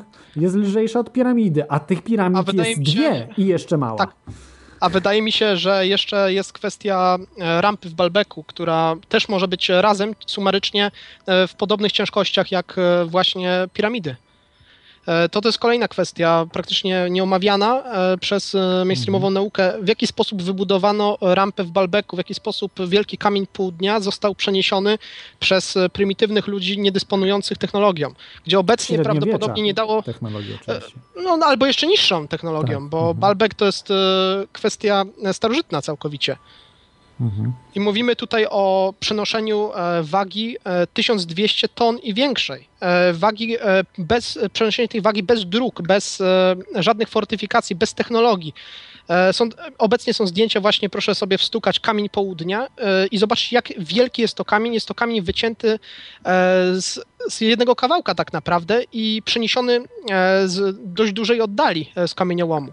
I proszę sobie pomyśleć w jaki sposób ludzie, którzy e, nie mieli technologii, byli ludźmi prymitywnymi, jak my to mówimy obecnie, czy też jaskiniowcami, prawie że, zrobili coś takiego. Mhm. Jest to, jest to praktycznie niemożliwe. Tak, ale to jest, to jest opowieść na zupełnie, zupełnie inną audycję, to jest, można o tym rozmawiać spokojnie, 5, 10, a nawet więcej godzin e, o, o samych piramidach. Ale e, ja tu tak bym trochę kam- kamyczek wrzuciłbym do te, tej książki, że czy uważasz, że dobre jest właśnie łączenie e, takich książek jak Zakazana archeologia, takich właśnie naszej przeszłości już zupełnej, z rzeczami, które nas dzisiaj dotyczą, czyli tymi spiskami y, nowego porządku świata, y, rządu światowego, który się kształtuje i y, ba- bankierów, iluminatów, prawda, Watykanu i tak dalej. Czy, czy to jest Znaczy- do, do, dobra, dobry kierunek? Znaczy, wedle e, mojej wiedzy m, powinniśmy zrozumieć naszą przeszłość, a żeby zrozumieć naszą e, przyszłość, e, żeby zrozumieć dokąd zmierzamy, powinniśmy zrozumieć e, pod czym e, tak naprawdę się znajdujemy, jak ogromna jest nadbudowa systemu e, i podbudowa systemu, e, z którym e, przyszło nam się zmagać. E, Jeżeli ja mówię tutaj o prahistorii, to e, chciałbym także e, pokazać e, alternatywny punkt widzenia, że dla e, oficjalnych teorii są e, kontrteorie, które są w żaden sposób nieuznawane, pomimo iż one także po, e, posiadają pełną legitymizację naukową. Więc uważam, Tak. iż ta książka nie będzie książką stricte o spiskach, stricte o polityce, będzie książką, która zajmie się kwestiami nieomawianymi przez historyków ogólnie rzecz biorąc, które nie docierają do opinii publicznej. Będzie taki katalog do wyboru dla e, czytelnika. Będzie mógł e, przeczytać bibliografię do każdego rozdziału i wtedy zapoznać się dokładnie i być e, z prawdziwym specjalistą na, na ten temat. Jednakże będzie mógł tylko pobieżnie przeczytać, zastanowić się, że jednak może być to prawdziwe i przejść dalej do tematu, który go interesuje, który będzie opisany bardzo lakonicznie oraz podając syntezę faktów. Tak, no ja, ja tak już tutaj na koniec y, życzę Ci, żebyś y, tą książkę wydał, żeby ona zdobyła uznanie w, mm, w świecie nauki, to raczej, y, no fajnie by było, ale raczej nie widzę, żeby, że, żebyś w tym zaistniał, natomiast żeby była doceniona przez po prostu czytelników w Polsce. No wiadomo, czytelnictwo To jest w Polsce najważniejsze. nie, nie, nie za ciekawe. Nic, ja Dlatego nie właśnie za chcę ciekawe, do- tylko bardzo dotrzeć niskie. Poprzez, e, dlatego właśnie chcę dotrzeć poprzez internet do słuchaczy, a żeby następnie poprzez na przykład takie wykłady na jakichś e, różnorakich eventach móc zaciekawić szerszą publikę właśnie tymi tematami. Zanim właśnie wydam książkę, która jak wiadomo, no bez promocji nie zostanie przeczytana przez parę osób, albo no max 100 osób. No i kto to przeczyta? Więc nie ma to żadnego sensu pisanie książki bez promocji. E, pisanie e, jako takie no wymaga e, tego, żeby ludzie wiedzieli, kim jesteś i że wydasz coś. Tak. E, tak więc e, właśnie poprzez te wykłady chcę przedstawić e, moją sumaryczną wiedzę na pewne tematy, która może Państwa zainteresować, może nie zainteresować. No proszę kontestować to, co mówię, proszę sprawdzać, jednakże ja sam to sprawdziłem i według mnie są to e, kwestie stricte naukowe, które tutaj będę omawiał. Oczywiście, jeżeli chodzi o interpretacje symboliczne, e, jak to zawsze z symbolami, e, symbole mają wiele znaczeń i tutaj możemy się spierać, czy dobrze odczytałem, czy nie, dobrze nie odczytałem, jednak nie opieram swoich interpretacji głównie na symbolach. Symbole są doda- dodatkiem do interpretacji geopolitycznej oraz historycznej. Y, no to. Co, co, czego jeszcze mogę życzyć? Ja może tak powiem y, o tobie, tak jak y, o, słuchałem tej, tego wystąpienia, że uważam, że y, to, co robisz, to jest więcej niż 10 IPN-ów, które gdzieś funkcjonuje. Dl- Dlaczego tak uważam? Dlatego, bo IPN zajmuje się rzeczami, które są y, dla nas naprawdę nie, nieistotne. Y, Znaczy, są istotne dla naszego życia politycznego, jednakże to życie polityczne już e, zeszło e, w zupełnie inną stronę No ja nie e, niż sądzę, e, nie, nie, powinno nie być. zgodzę się z tym, ze względu na to, że y, w, co, w tej chwili nawet jakby lustracje A zmienione. nie, przepraszam, jest- w tej chwili oczywiście ilustracja jest już tematem dawno przebrzmiałym. Oczywiście ja Tak, mówię, no- jakby ten IPN jako tako przenieść w czasie trochę wcze- wcześniej, byłoby to sensowne. Jednakże Mhm. obecnie jest to bebranie się w starociach politycznych. Teraz kraje upadają. To już co, co nas obchodzą agenci, jak w tej chwili mamy nowych agentów, którzy w telewizji pracują i oni nie, nie będą y, podlegali lustracji, więc co nas obchodzi, że czy, czy Bolek był agentem, czy nie był? Co, co to zmienia? On nie ma żadnego wpływu politycznego. Nawet ci ludzie, którzy mają, za rok czy dwa lata nie będą mieli tego wpływu. Przyjdą nowi Tak ludzie, młodzi często, którzy w ogóle nie, nie doświadczyli PRL-u, nie mieli y, kartotek, ale też mogą mieć już kartoteki w trzeciej RP. I tego nie będzie lustracji. Więc po Dokładnie. prostu Zamiast, e, zamiast rozmawiać na tematy przyszłościowe, na tematy związane Mówi z się obecnym tak, stanem państwa, o- o mówimy o starociach historycznych. Tak. które już jako tako mają znaczenie oczywiście jakieś tam moralne czy też kulturowe dla naszego narodu, jako ciągłości pokoleń, jednakże już jeżeli chodzi o kwestie polityki obecnej, są to kwestie marginalne. Mhm. Ale y, ja uważam, że powinniśmy trochę wyjść y, w sensie z, z tego narodu, bo to też trzyma nas w jakimś jarzmie, w, y, w kieracie.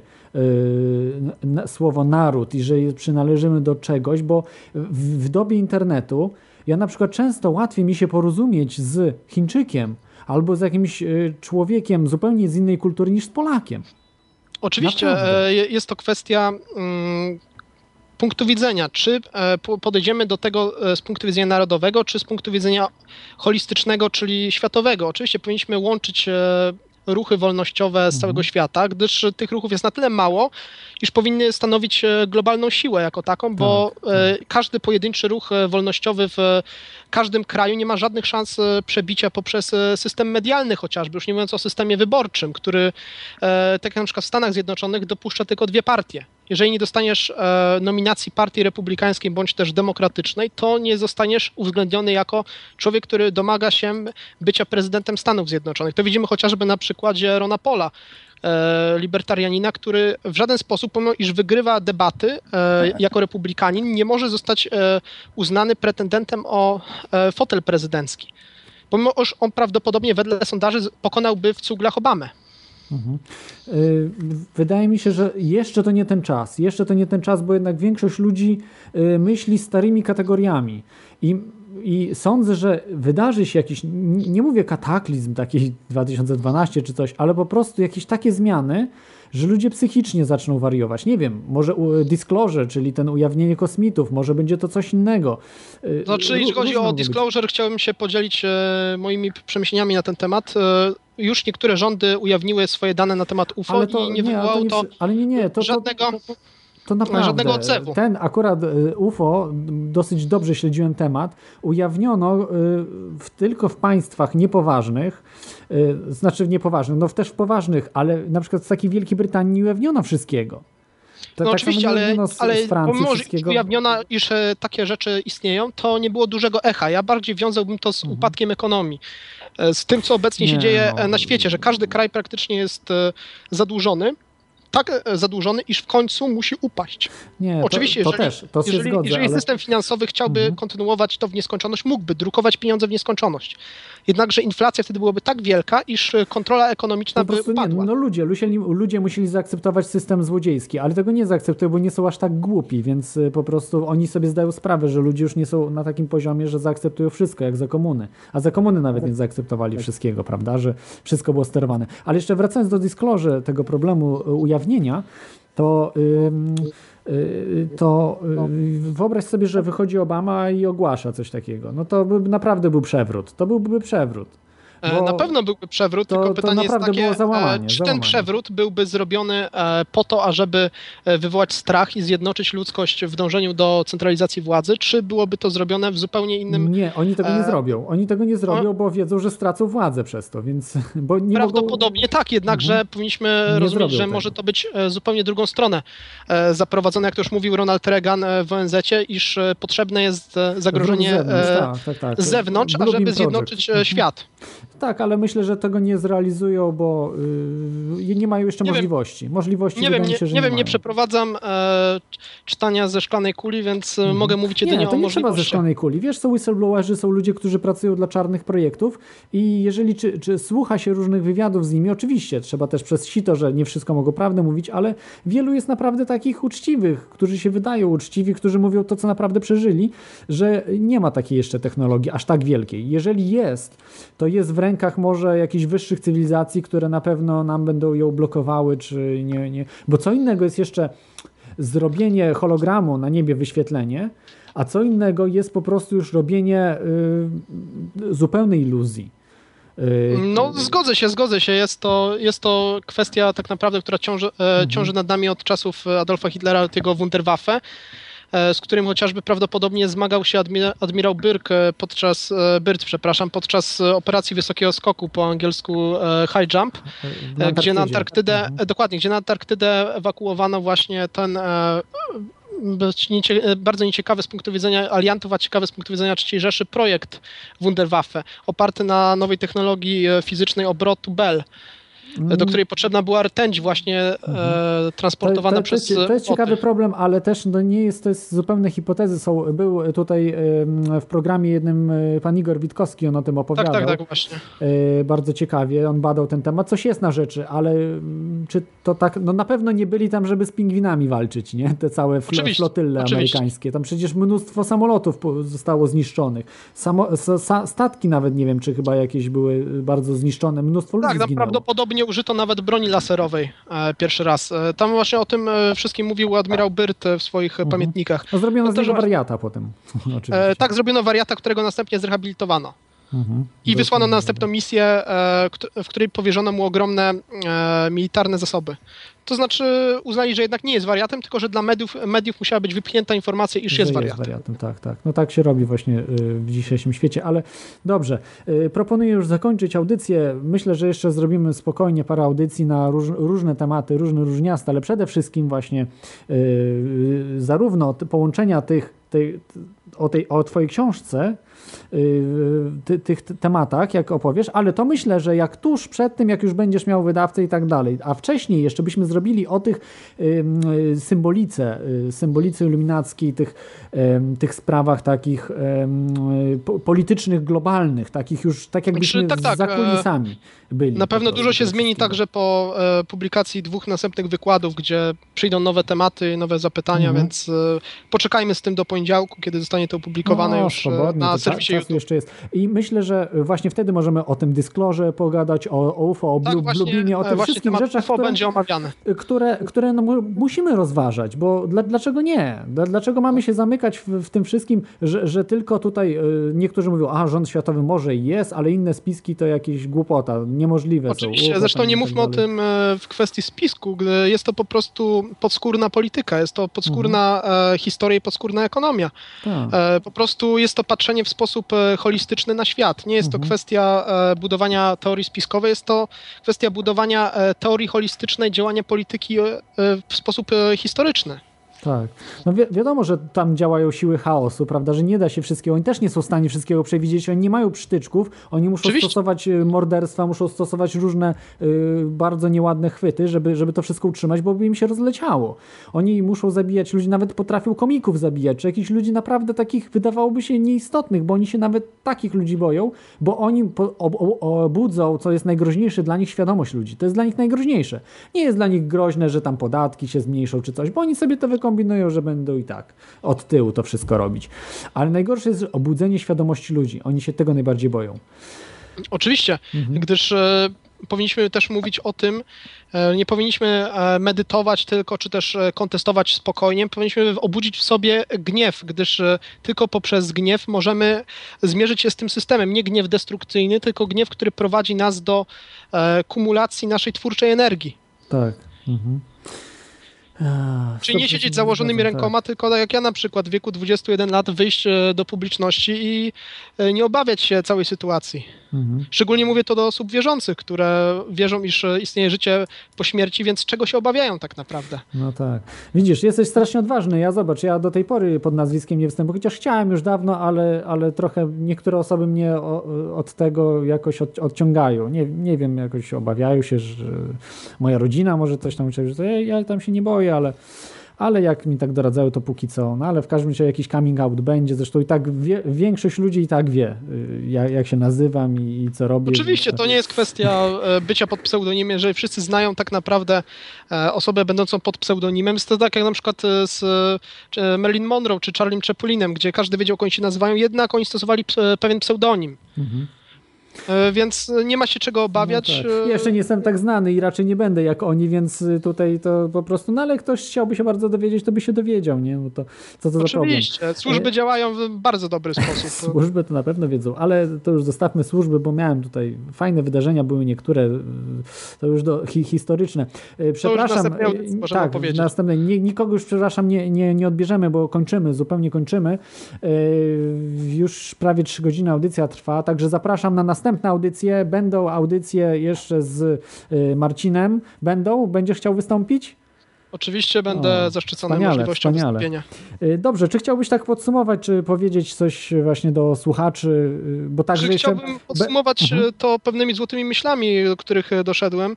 Pierwszą złotą myślą jest to, iż ludzie nie chcą znać prawdy, zrobią wszystko, żeby się z nią nie skonfrontować oraz następną złotą myślą jest to, żeby nie dzielić e, systemów e, religijnych i systemów politycznych, gdyż nigdy w historii świata nie było systemu politycznego, który nie był trochę religijny i systemu religijnego, który nie był trochę polityczny. I z tymi e, właśnie rozmyślaniami zostawiam Państwa do własnej analizy i właśnie kontestacji, sprawdzenia danych, które tutaj przedstawiłem. Mhm. Dzięki, dzięki Ci wielkie. No to do usłyszenia. Życzę powodzenia we wszystkich Twoich projektach i wytrwałości, odwagi. Odwagi to chyba y, może mniej odwagi Ci życzyć, bo jesteś strasznie odważny z, tym wszystkim, E, ale życzę Ci powodzenia i do usłyszenia w przyszłości. Tak jest, do usłyszenia. E, Żegnam Ciebie, żegnam wszystkich słuchaczy. Dziękuję za uwagę.